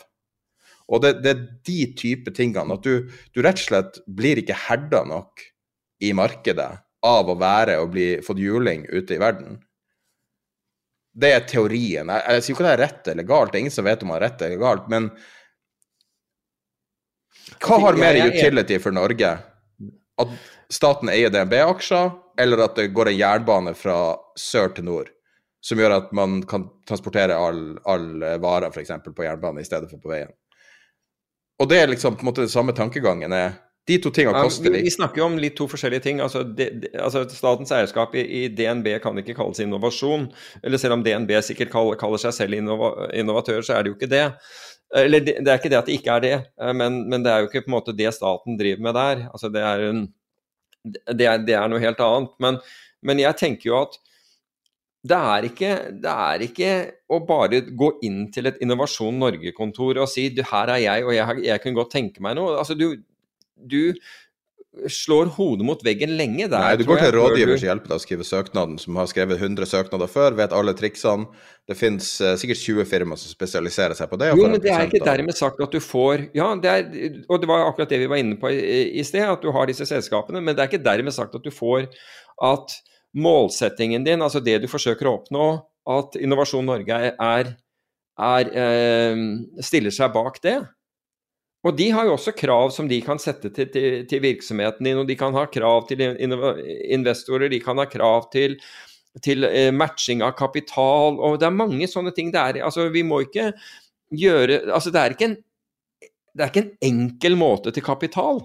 Men, men, la oss zoome ut, da. La oss droppe innovasjon og droppe alt det. Og så tenker jeg, har du noen gang hørt en debatt som stiller spørsmålet burde staten eie så mye av så mangt? Har du hørt en politisk debatt om det noen gang? Nei, det har jeg vel ikke, tror jeg. Fordi at det er ikke et tema. Men det er relativt Altså, det er noe man har holdt på med lenge, og man kalte det tidligere politisk påvirkning. Nå er det en del av verdiskapninga til staten. Men mitt spørsmål er skader det eller styrker det Norge? Det finnes jo ikke noe svar på det. Min teori er at det skader mer enn det styrker. Hvor er du nå? Er du på det statlige eierskapet? Hele, hele poenget med statlig Altså hele statlig eierskapet. Hele pakken.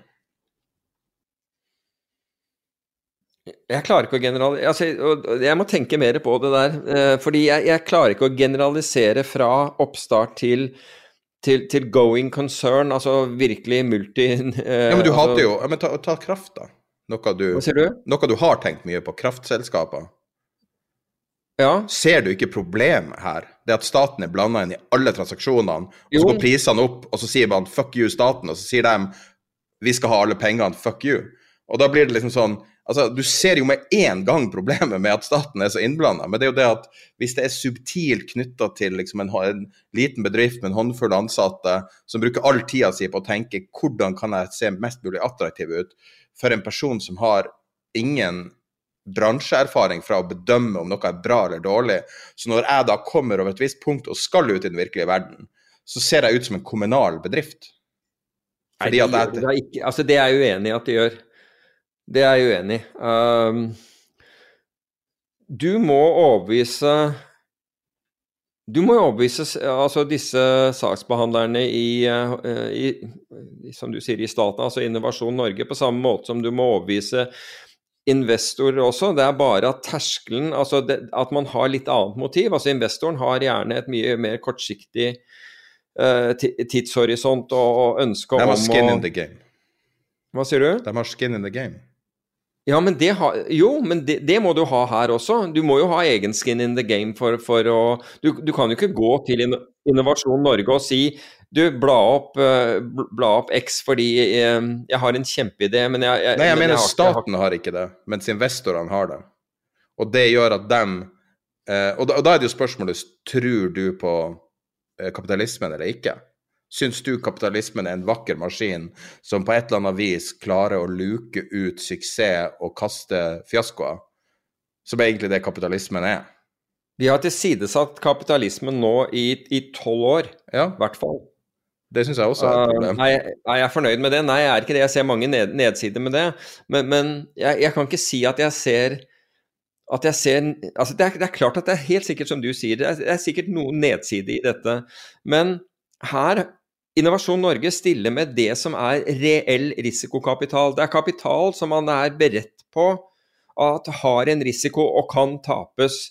Investorer per, per definisjon ønsker jo da absolutt ikke Altså e- ønsker egentlig aldri å, å, å tape penger. Så de vil forsøke å sikre seg alle bauger og kanter, og det gjør helt sikkert til at noe, noe innovasjon forsvinner rett og slett fordi man føler at det er altfor alt for risikofylt. Og ta innenfor ESG eksempel, da. Der er mye av det som skal, trengs å gjøres, det er kanskje ulønnsomt på kort sikt, men vil bli veldig lønnsomt på, på, på lengre sikt, i og med det grønne skiftet. Og noen må på en måte altså Det det er litt artig, for vi skal jo innom det om uh, Aker og, og, det nye fondet der, så, som er privat kapital, men Eller i hvert fall delvis. Eller det vet vi ikke.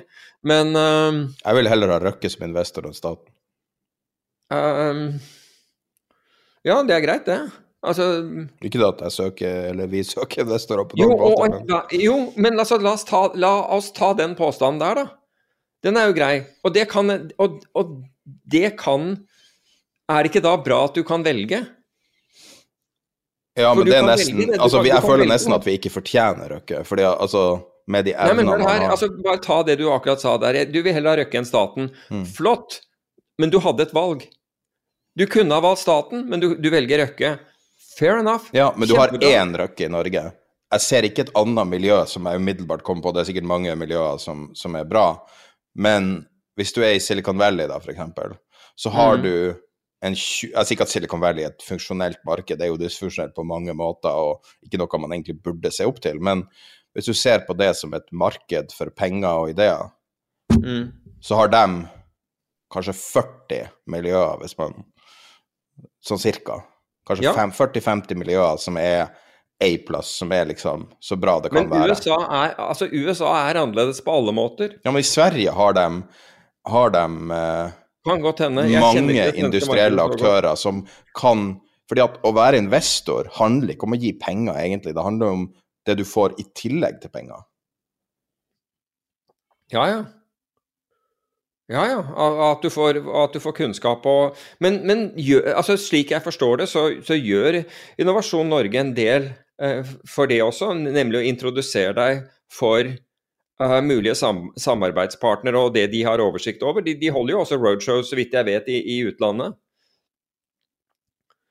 Så jeg, jeg føler ikke at det er så er så, så svart-hvitt. Altså, så jeg, jeg tror ikke vi blir enige om Jeg tror ikke det er svart-hvitt heller. Nå høres jeg ut som en sånn her uh, Men jeg vil heller ha valget enn å ikke ha valget. Jeg vil heller ha rå kapitalisme enn hva enn denne hybriden er. Da ender du på Mars.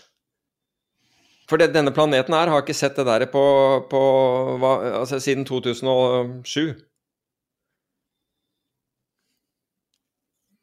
Men det er vel det som er det grunnleggende problemet vårt. Ja, ja. Jeg er enig Og med, med, med, med alle de, de uh, dårlige eh, side-effektene vi, vi har hatt av det, jeg er helt enig. Så, så det er en større, større debatt, men jeg Jeg, Jeg føler at vi toucher Det er grunnen til at vi har denne debatten, som egentlig kanskje ikke hører hjemme i, i podkasten i utgangspunktet. Så grunnen til at vi har den, er jo nettopp fordi at vi begynte å touche inn på temaet via kraftmarkedet. Men det er tid, det er penger, tross alt. Ja. Og det som er altså når du driver et firma, sånn, du har 15-20 år, og så har du ikke nok energi. Ikke? Altså, du, du har én-to sjanser til å virkelig gjøre noe, og så hvis du fucker opp, så, så, så kommer familie i veien, så kommer livet i veien, så kommer helsa, og ikke minst energien. Ikke sant? Sånn at den tida du har som oppstartsperson, er veldig dyrebar. Jeg er ikke, jeg er ikke uenig men hvis man, hvis man, kan kutte Hvis man kan få redusert den derre den, den inkubasjonstiden, så har du en større sjanse for at ideen din kommer frem før du blir utkonkurrert av noen andre, som da måtte befinne seg et sted hvor, hvor det er mindre friksjon. Så jeg vet ikke, altså hvis, hvis Jeg skulle bare ønske at, at, man kunne få innovasjon fra Altså Grunnen til at oljefondet er så, så mye å se opp til, eller at, at de her strukturene her, jeg føler det er så mye å lære av dem, er jo fordi at de er doers, de er ikke talkers. Og nå er jo vi podkast, og vi er jo per definisjon talkers, sånn sett. Men, men altså, oljefondet i hvert fall, de, de, er verdens største investor, i hvert fall siste gang jeg sjekka, var det. Og, eh, og, har da masse, masse know-how som er umulig å finne i ei bok. Ekte Rock business... er verdens største investor. Hæ? Tror jeg. jeg tror det er BlackRock er verdens største investor. Ja, ok, hvis du akkumulerer det, ja. For det var vel Abu Dhabi var hakk i hæl med, med oljefondet i lang tid. Litt avhengig av hvordan du definerer det, da. Ja, Men- altså NBIM er, NBIM er, er det største sovereign wealth-fondet, det, det er jeg temmelig Ja. sikker på. Men eh, altså BlackRock, hvis du akkumulerer alle fondene, greit, det er mye større. Men ehm, Men, men, men altså, ta det, da. Når, når uh, oljefondet går inn i bedrifter, altså av den biten de gjør utenfor indeks, da, men selv, selv det de gjør i, innenfor indeks, så, så stimulerer jo det det selskapet. ja, så jeg mener at oljefondet er et veldig veldrevet selskap. Det er noe Ja, så ja. magisk som et staten, reelt hedgefond inne i staten som virkelig fungerer. Selv Ja, om det er jo egentlig et indeksfond, bare, bare så det er sagt, men de, de, de Jo, men sånn som de tenker. Jeg snakker ikke Ja. om praktisk liksom, definisjon, men de tenker på eh, seg sjøl som en alfagenererende enhet. De skal ha meravkastning. Ja, ja. De tenker ikke noe på tidevannet. De snakker aldri om tidevannet. Enig i det. Men de er, ikke, de er heller ikke Altså, de er langt fra venture.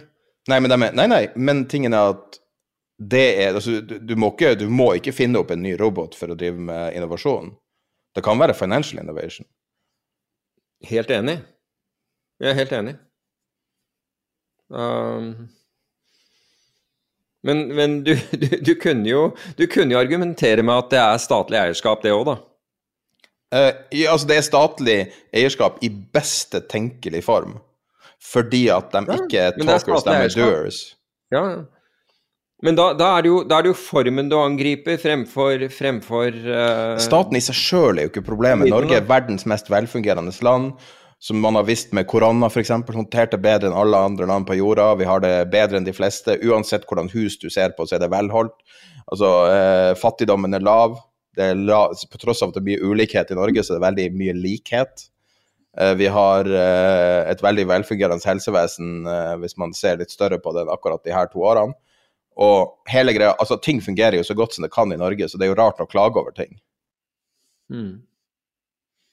Men vi har, altså, vi, vi har jo fortsatt et, et stort ve ve men Men ikke sammenligna med mange man kan sammenligne seg med. Nei, jeg er enig i det. Og vi har, ingen, vi har ikke en overklasse som bare i Sverige og, og, og England og sånne avleggssystemer. Så det er veldig mange ting som fungerer optimalt i uansett sammenheng i verden. Men det betyr ikke at man kan ikke ha ambisjoner om å bli bedre og flinkere. Og alt jeg sier er vi burde ha større ambisjoner enn at staten, at statlige rådgivere skal sitte og skyte fra hofta om ting de egentlig ikke vet noe om. Når man kunne ha heller altså. Nå generaliserer du. Ja, selvfølgelig. Alt det her er jo generalisering. Jo, men altså da, Men er det, riktig, er det riktig å si at de skyter fra hofta? Altså, Tror du ikke saksbehandlerne Men tror du ikke Market Norge- Reason er bedre til å bedømme en business case enn en statlig rådgiver? Jo, kanskje fordi Mark Andreessen er Mark Andreessen. Ikke sant? Altså, og han er sikkert bedre enn Men burde vi ikke prøve å være Silicon Valley? av, av finansfolk. Men, men gå, hvis du går til, eh, ta, da til Investinor, så sitter jo uh, forvaltere i Investinor som har vært forvaltere andre steder tidligere, som har denne erfaringen. Så det er ikke noen grunn til å tro at de er at dette er statlige by byråkrater som, som skyter fra hofta, liksom. Ja, altså Jeg sier ikke at det er noe galt med staten, og, og vi har jo verdens største offentlige sektor. Uh, og det betyr ikke det at folk i offentlig sektor er dårlige. Uh, case in point, han, uh, han fra skatteetaten vi hadde for et par uker siden, som er deres bitcoin-fagansvarlig, han var helt Ja. briljant, og jeg spurte han etterpå. For å være helt ærlig, hvorfor jobber du i staten? Mm. Du kunne ha jobba nesten hvor som helst med den kryptoforståelsen du har. Og han sier han syns det er fantastisk det å jobbe. Så Ja. det er jo det er jo som motbeviser jo alt jeg sier nå, ikke sant. Det, er- det, er- det er en bra avslutning på temaet. Sverre motbeviser seg selv. Jeg er jo bare en idiot av en podkastprodusent. Jeg vet ingenting om noe som helst. Men jeg har nå en mikrofon her, så jeg bruker den. La det være siste ord, og så, og så går vi til neste. For ellers er går vi ut på, på, på dato, holdt jeg på å si. Det gjør vi ikke, vi går ut på tid. Går på dato en stund siden. Ja. Men uh, Aker, 1000 milliarder Ja. kroner.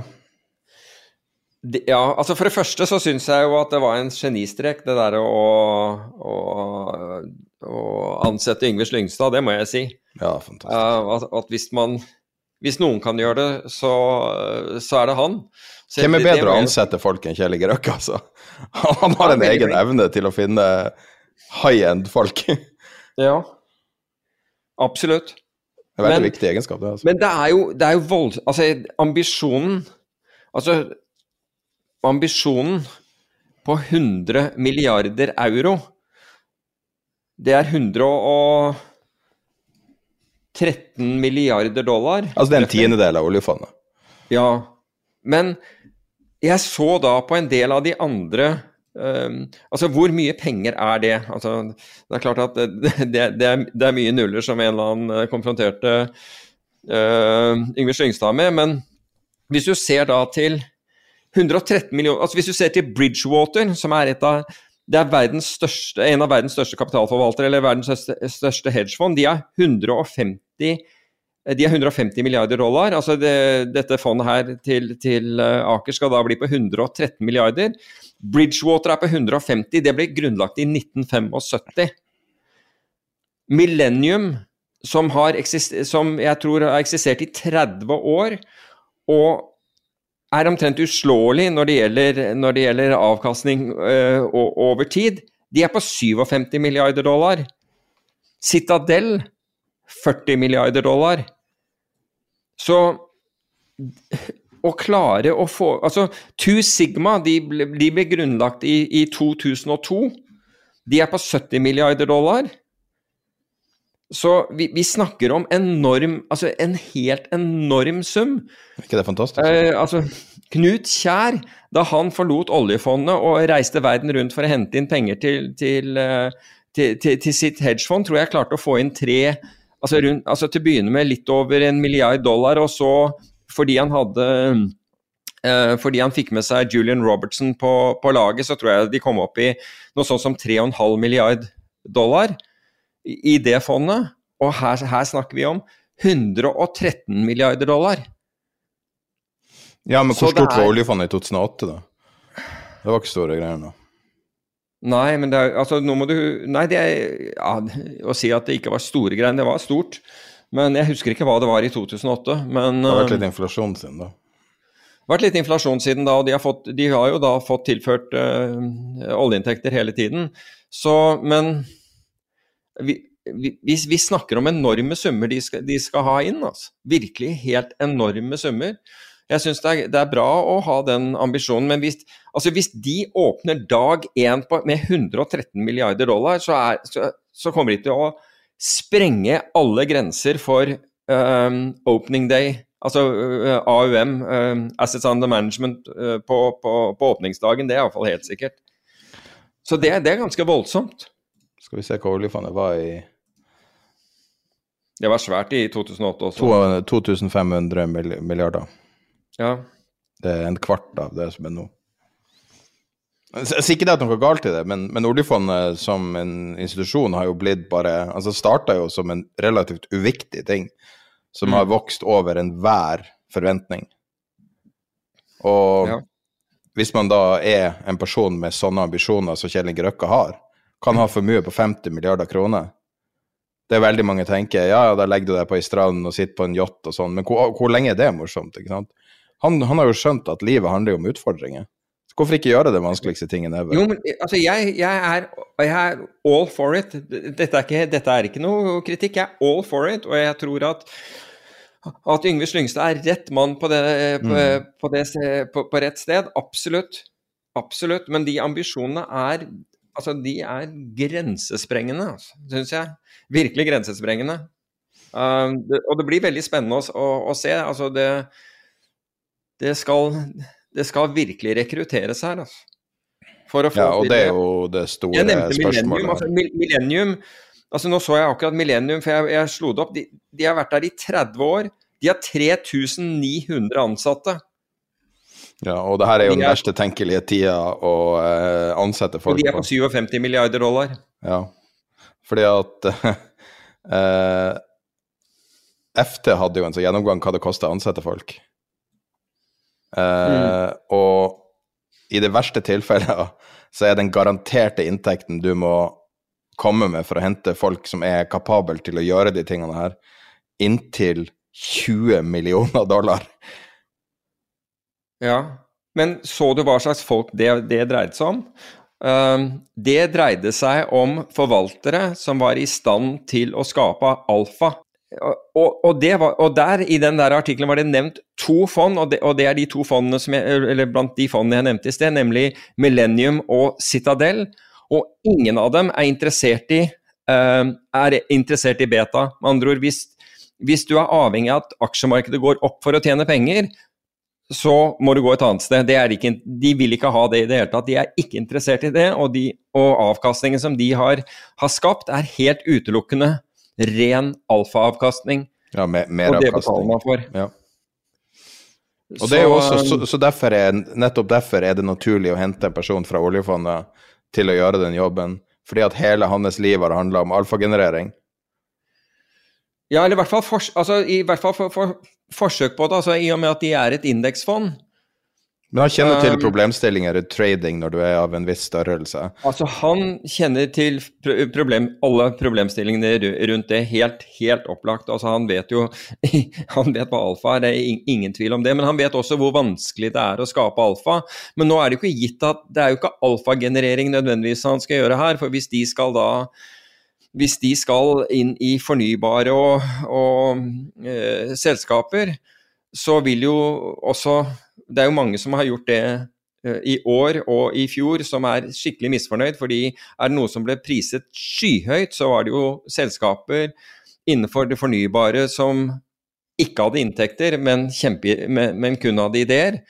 Så jeg tenker at selskaper der som etter hvert begynner å, å, å skape inntekter, de kommer nok til, til å være gull verdt, men man har nå sett så mange ideer som har, uh, som har liksom tryna at, uh, at det blir nok at jeg, jeg tror vel at allerede så har du vel en reprising av, av den sektoren, og det er bare bra. Fordi det, det betyr at det som, det som går videre herfra, det, det har merit, da, for å si det på den måten.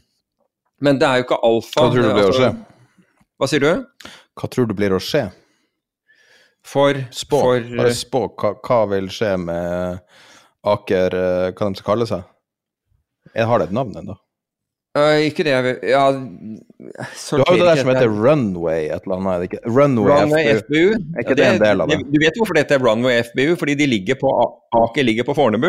Og, Run- og de ligger veldig nær der hvor 1-9-rullebanen uh, lå på 1-9-01-rullebanen lå på, på Fornebu. De, er, de klassifiserer seg sjøl som uh, tidlig fase WC, så Ja, men, ja akkurat den Og det må jo være en del av det. gjør det. Men det er jo selvfølgelig har liten størrelse. Altså Mm. WC-investeringer, i hvert fall hvis du ekskluderer um, Tiger Global og, eh, og uh, Softbank, så er jo WC-verden er relativt små summer, har alltid vært det. Så hvis du skal nå 100 milliarder euro, så vil du ikke gjøre det med et venturefond. Nei, nei, nei, nei, ikke i det hele tatt. Ikke i det hele tatt. Så, Venturebransjen blir- bransjen totalt i verden tror jeg var over veldig mange år på 5-6 milliarder dollar, helt til Softbank og, og eh, Tiger Global kom inn. Men Tiger Global altså, jeg, jeg trodde Tiger Global var, eh, var makrofondet innenfor eh, Julian Robinsons system. Det Ja. er et WC-fond. Ok, da er det to stykker som heter det, da. Men da er det kanskje den andre heter Tiger Global Macro. For, for Tiger er jo, heter jo alle fondene under Tiger Management er jo Julian Robertson. Men greit nok. Um, Scott Schleifer heter han. Uh, ok. Jeg, tror, jeg tror det var Chase Coleman jeg som hadde Nei, altså det het Men ja, nei, det uh, Det er vel flere som heter Jeg tror det har ingenting å gjøre med, med Nei, det er, det er sikkert Julian Robertson-systemet, så vidt jeg vet. Nettopp. Hei, det her er en liten korreksjon fra framtida. I uh, forbindelse med redigeringa så tok jeg bare og sjekka om uh, Tiger Global var en del av uh, det Tiger-systemet som er bygd av Julian Robertson. Og som navnet tilsier, så var det det. Det er et fond som ble stifta på 90-tallet og er bygd opp rundt akkurat det Peter sa, Julian Robertson. Men det blir spennende å se. altså Det er jo klart at det jeg tror de håper å tiltrekke seg, det er jo bl.a. Sovereign Wealth Fund, altså til, type, altså statlige fondpenger og, og, og, den type ting. Og det er jo big ticket-skrivere, det. Mm. For all del. Oljefondet vil vel aldri touche noe sånn? Det, jeg vet ikke om det ligger innenfor mandatet. Det er ikke greia at du må ha forvaltere utenfor grensen, er ikke det et av kravene? Nei, oljefondet har hatt Det har, det har vært i hvert fall to, nei, i hvert fall tre norske forvaltere som har hatt penger fra oljefondet. Ja. I hvert fall tre. Ja, det er en bra start. Um, de har vel eh, eksperten med seg, så hvis ja. det er mulig, så burde de ha det beste mulighet til det. Ja, nettopp. Uh, ja, det blir, det blir, i hvert fall uansett interessant, men det skal jo også bli Det er jo litt av en jobb han får med å bygge opp denne, uh, denne, denne virksomheten. Uh, nå tenker jeg slyngst, så Men Men all ære til, til Røkke for, for, for den ansettelsen. Det blir, det blir, spennende å se, ja. Det, det gjør det. Men uh, det er som sagt, altså 1000 milliarder kroner er Altså Hvis man skulle klare å få det på day one så jeg, kan, jeg husker ikke noe fond noe sted som, altså, som har startet day one, altså hvis det ikke er et, eh, et statlig fond, som har startet med, med, den type kapital. Men tror du ikke de vet noe som vi ikke vet? Altså De har noe committa allerede? Jeg tror de vet masse som ikke vi vet det. Men, uh, Men de vet ikke hva som er ett av Elon Musk har til felles.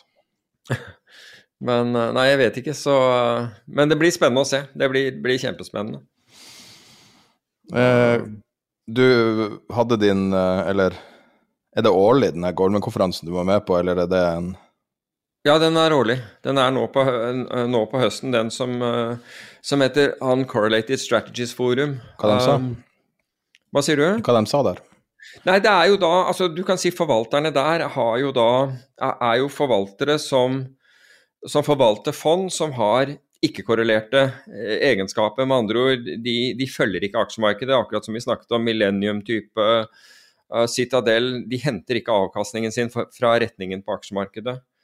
Og uh, det, var, det var, vel egentlig to som var veldig uh, bra der. og Det ene var et Lombard og Die fond som jeg syns var veldig interessant. Um, og som, vi hadde, som, viste veldig eh, gode resultater. De, de, var vel opp hva var det, ja? var opp nærmere 70 på, eh, på, på, to år. Hvor eh, Og de tradet stort sett volatilitet. ulik form for uh, volatilitet. Og de gjorde da gjennom volatilitet og, og, og, variance swap, som er en spesiell måte å gjøre det på, som er en OTC. Altså du, du handler ikke børsnoterte produkter, men du handler da mot, mot de store eh, investeringsbankene. Og de hadde også en veldig høy sharp, altså de hadde en sharp ratio på, på 1,8. Så wow. ja, virkelig. Og, kan du forklare sharp?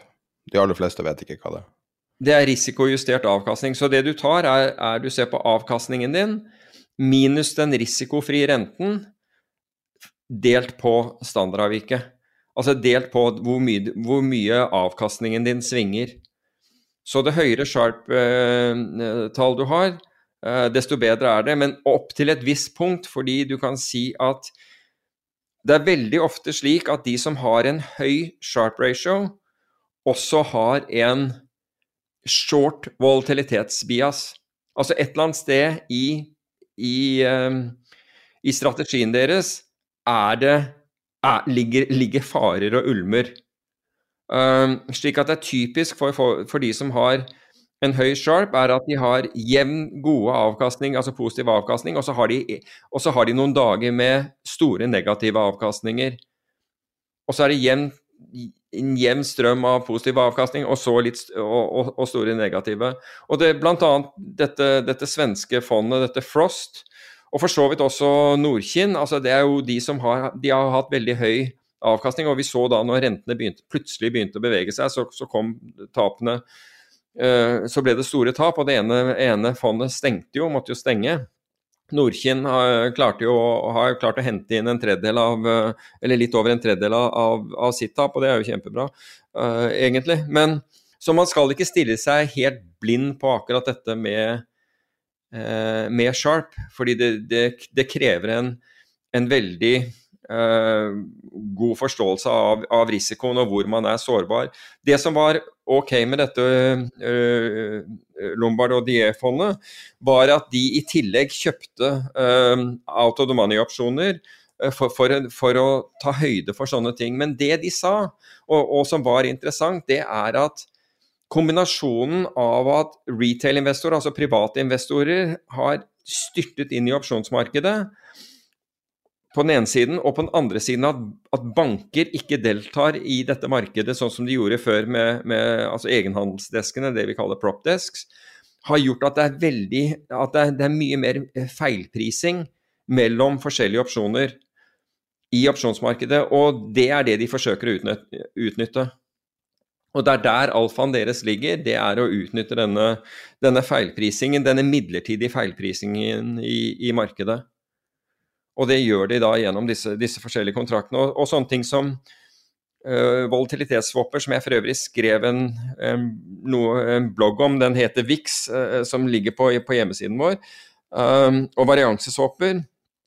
Uh, de er ikke Altså, det er ikke kontrakter som private investorer kan handle i det hele tatt de handles kun mellom altså interbank, altså mellom, uh, mellom investeringsbanker, altså mellom store uh, mellom typisk uh, profesjonelle investorer,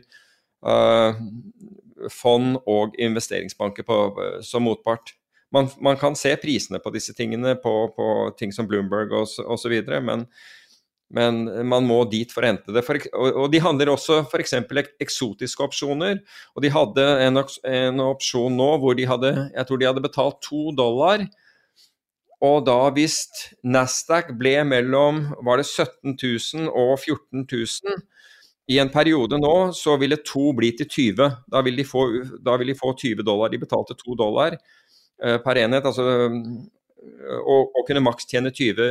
Hvis da Nasdaq brøt enten over 17, 17 000 eller under 14 000, så vil, de, så vil de bare tape det. De er short volatilitet der, men der var det begrenset til premien de hadde betalt. Så, og, og, disse, altså Franskmenn har vært veldig flinke innenfor, innenfor derivater i, i, lang, lang tid. Så det er ikke så rart at det, at det kommer ut av, ut av, der. Var det det Jerome Carvel holdt på med? Carvel? Ja, han, ja, han tradet kun Eurostocks. Han, det var future-markedet på Eurostox. Jeg prøver å tenke hvor, på en fransk finansmann, jeg kom ikke på en eneste ja. annen. Jérôme Kerviel, riktig. Hvor han, hvor han, smalt. Eh, for øvrig så Og det andre fondet, det var et Brevin Howard makrofond. Og han hadde jo ligget feil vei i, eh, i rentemarkedet i, i, slutten av november, der hvor, hvor, de store tapene Men jeg tror han hadde tapt noe sånt som 1 eller 2 uh, mens du så da det var voldsomme tap, altså 20-30% på noen. Um, så, så, han var fortsatt godt opp på, godt opp på året. Men jeg, når jeg så på, uh, på, på grafen over, det, over, fondet, så tenkte jeg at det er nesten sånn perfekt fond å, å ha, være diversifisert i forhold til aksjer. Og nesten gikk aksjemarkedtype uh, avkastning, men du så når aksjemarkedet har hatt de, de store nedgangene, så tjente de brukbart. Og så flatnet de mer ut når aksjemarkedet gikk, men de hadde allikevel klart å tjene penger. Og han, Makrofond handler da typisk ikke enkeltaksjer, men handler ting som renter og valuta og, og, råvarer. Han var veldig positiv på, for øvrig på oljeprisen fremover. Um, og det var, det var, for øvrig eh, en, en, annen av disse forvalterne også trodde at, eh, at i hvert fall brentolje ville, eh, ville, ville, stige videre. Og, og, og fulgte ellers med på, på, på renteproduktene. Og, akkurat som nå, hvor korte renteprodukter ikke, ikke, reflekterer i det hele tatt den inflasjonen vi har. Og så er det, altså, På et eller annet tidspunkt må sentralbankene gi etter og begynne å sette opp rentene. og da vil da disse korte altså Hvis du ligger short disse, disse korte obligasjonene, um, da så, så, vil de begynne å bevege seg, så vil det bli veldig profitabelt. Det er um, interessant. Ja, for jeg så også Bank of America påpekte det at eh, obligasjoner eh, avviker fra eh, resten av det, the, the pack, da. Helt rått, og eh, at det er vanskelig å bedømme hva det betyr. Er det et likviditetsspørsmål, eller er det noe underliggende vi ikke ser? Nei, det er jo sentralbankene som, ikke, som prøver å holde igjen, på akkurat samme måte som man ikke vil innrømme inflasjonen. Så, så har de nå begynt å innrømme inflasjon, og det vil egentlig tilsi at rentene også må justere seg. Hm. For nå har vi negative realrenter, betydelig negative realrenter. Og likevel så avviker estimatene fra de store investeringsbankene. Uh, det er ikke en, en unison bunch lenger, som det har vært i ti år nå. Nei, det er riktig, det. JP Morgan sier uh, det her er ikke noe å bekymre seg for, uh, rentekutt uh, utsettes, osv., osv. Goldman sier det er Du mener renteoppgang? Renteoppgangen utsettes. Ja. Uh, og Goldman sier, um, og, og, og, veldig mange andre sier, uh, nå kommer uh, tapering dobbelt så fort. liksom hold deg fast, hold deg fast. Og um, det er definitivt blitt vanskeligere å være investor. Ja. Men ja, det er skal vi du, være, Men samtidig så er det en del muligheter med, med å være det også, tenker jeg. Så alt gir jo muligheter. Tida begynner å gå litt fra oss nå, tror jeg. Hva sier du? Tida begynner å gå litt fra oss. Ja, den gjør det. Men, men kan vi runde av på én ting? For det var en ting, siste ting vi, vi lanserte nå uh, litt mer som på ordentlig, da. Uh, Vår uh, virtuelle bokhandel som vi har i samarbeid med Gyllendal og Ark. Mm. Så um, du kan jo si, Vi har jo noen bøker her som vi har lagt på hjemmesida tiderpenger.no bokanbefalinger. Og da har vi lagt ut foreløpig de bøkene vi eh, Vi har jo totalt er vel ca. 85 bøker som vi skal anbefale, og um, som vi har laga ei liste, og så gradvis fylles det opp i vår bokhandel.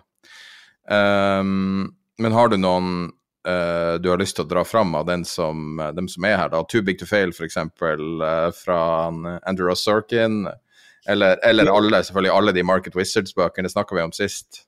Liars Poker. Altså, jeg, jeg vil, altså, den, den, første Market Wizard-boken, som, eh, som nå er tilgjengelig i bokhandelen, den har historien til noen av de største traderne i, i verden. Uh, Bruce Covner er der, Richard Dennis altså, Richard Det er den boka Dennis, som heter Market Wizards Interviews with Top Traders. Nettopp. Og, og altså Richard Dennis som da som da startet dette turtle trading og, og, og lagde en, en, hel community som, som, som, fulgte ham på det. Paul Tudor Jones, som, som, er velkjent i dag ikke sant? og fortsatt svært, svært aktiv. Michael Steinhardt, som drev da et, et makrofond. Men, og, og, Tom Baldwin, som jeg hadde gleda av å, å, møte en gang, og det var i, i, i Chicago.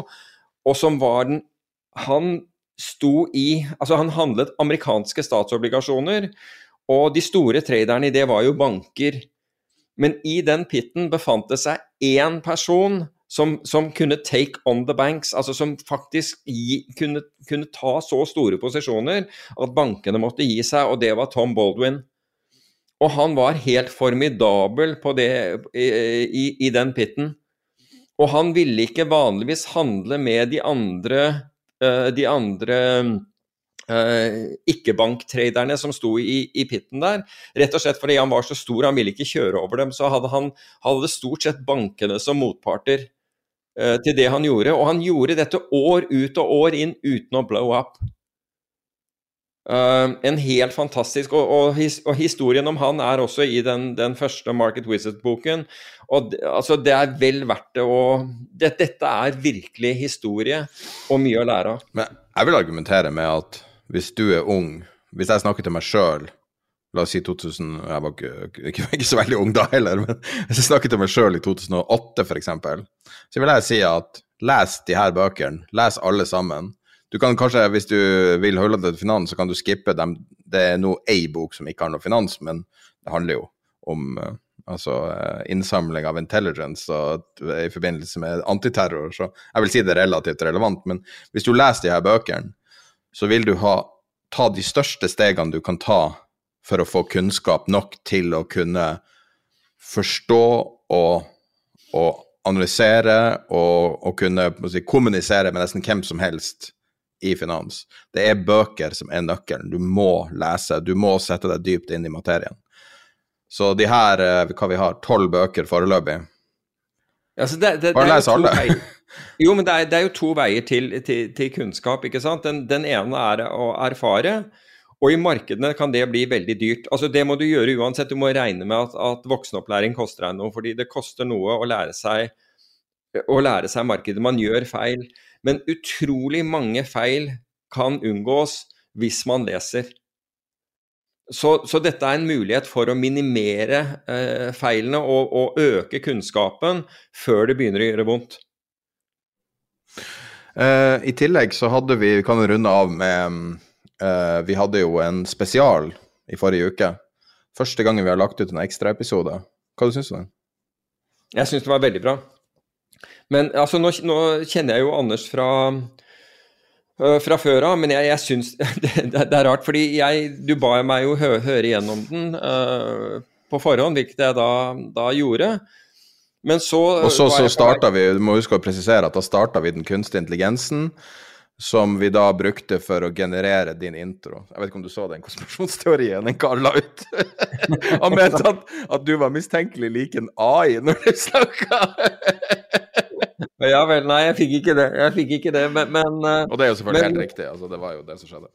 Men, men, poenget mitt var at eh, altså jeg hørte gjennom den og likte det jeg hørte, men så var det en kveld jeg skulle kjøre hjem, og da, og, og da, da, da Jeg har ofte ofte uh, lydbøker eller uh, og av og til podkasten på, på uh, Høre på den på, i, gjennom bilradioen. Og da kom den på på nytt igjen. Og da hørte jeg faktisk hele igjennom en gang til. Og det, det, er noe jeg aldri gjør, for å si det på den måten. Men jeg, det verste var at liksom, jeg hørte den kom, kom hjem før, før, den før, den var, ferdig, og endte med å høre resten på telefonen min før jeg gikk og la meg. Så Anders er kunnskapsrik, altså. Han er... Ja, jeg syns, ja, jeg syns det var veldig Det er få personer som har vært viktigere i norsk fintech enn han. Altså. Jeg kan ikke tenke meg på en eneste en. Så. Nei, altså jeg er ikke så mye inne, inne i eh, norsk uh, fintech som, som, det du er, men, men, uh, men han, er, altså, han, er, jo kjempeflink, for all del. Ja. Nei, jeg bare var så fornøyd med å kunne ha en sånn samtale. Og, og, mm. og, kunne gå skikkelig i dybden på det og få høre historien. Jeg trodde jeg visste historien, det var veldig mye hull. Så uh, jeg vil takke han for, for, det. Jeg så han skrev et innlegg på LinkedIn i dag om det også. det er jo mm. veldig stas. Ja. Nei da, men uh, nå er klokka uh, halv fire. Markedet åpner. Jeg tror vi er ferdig for denne gangen. Uh, abonner på nyhetsbrevet. Støtt oss på Patrion. Tigg, tigg, tigg, tigg, tigg.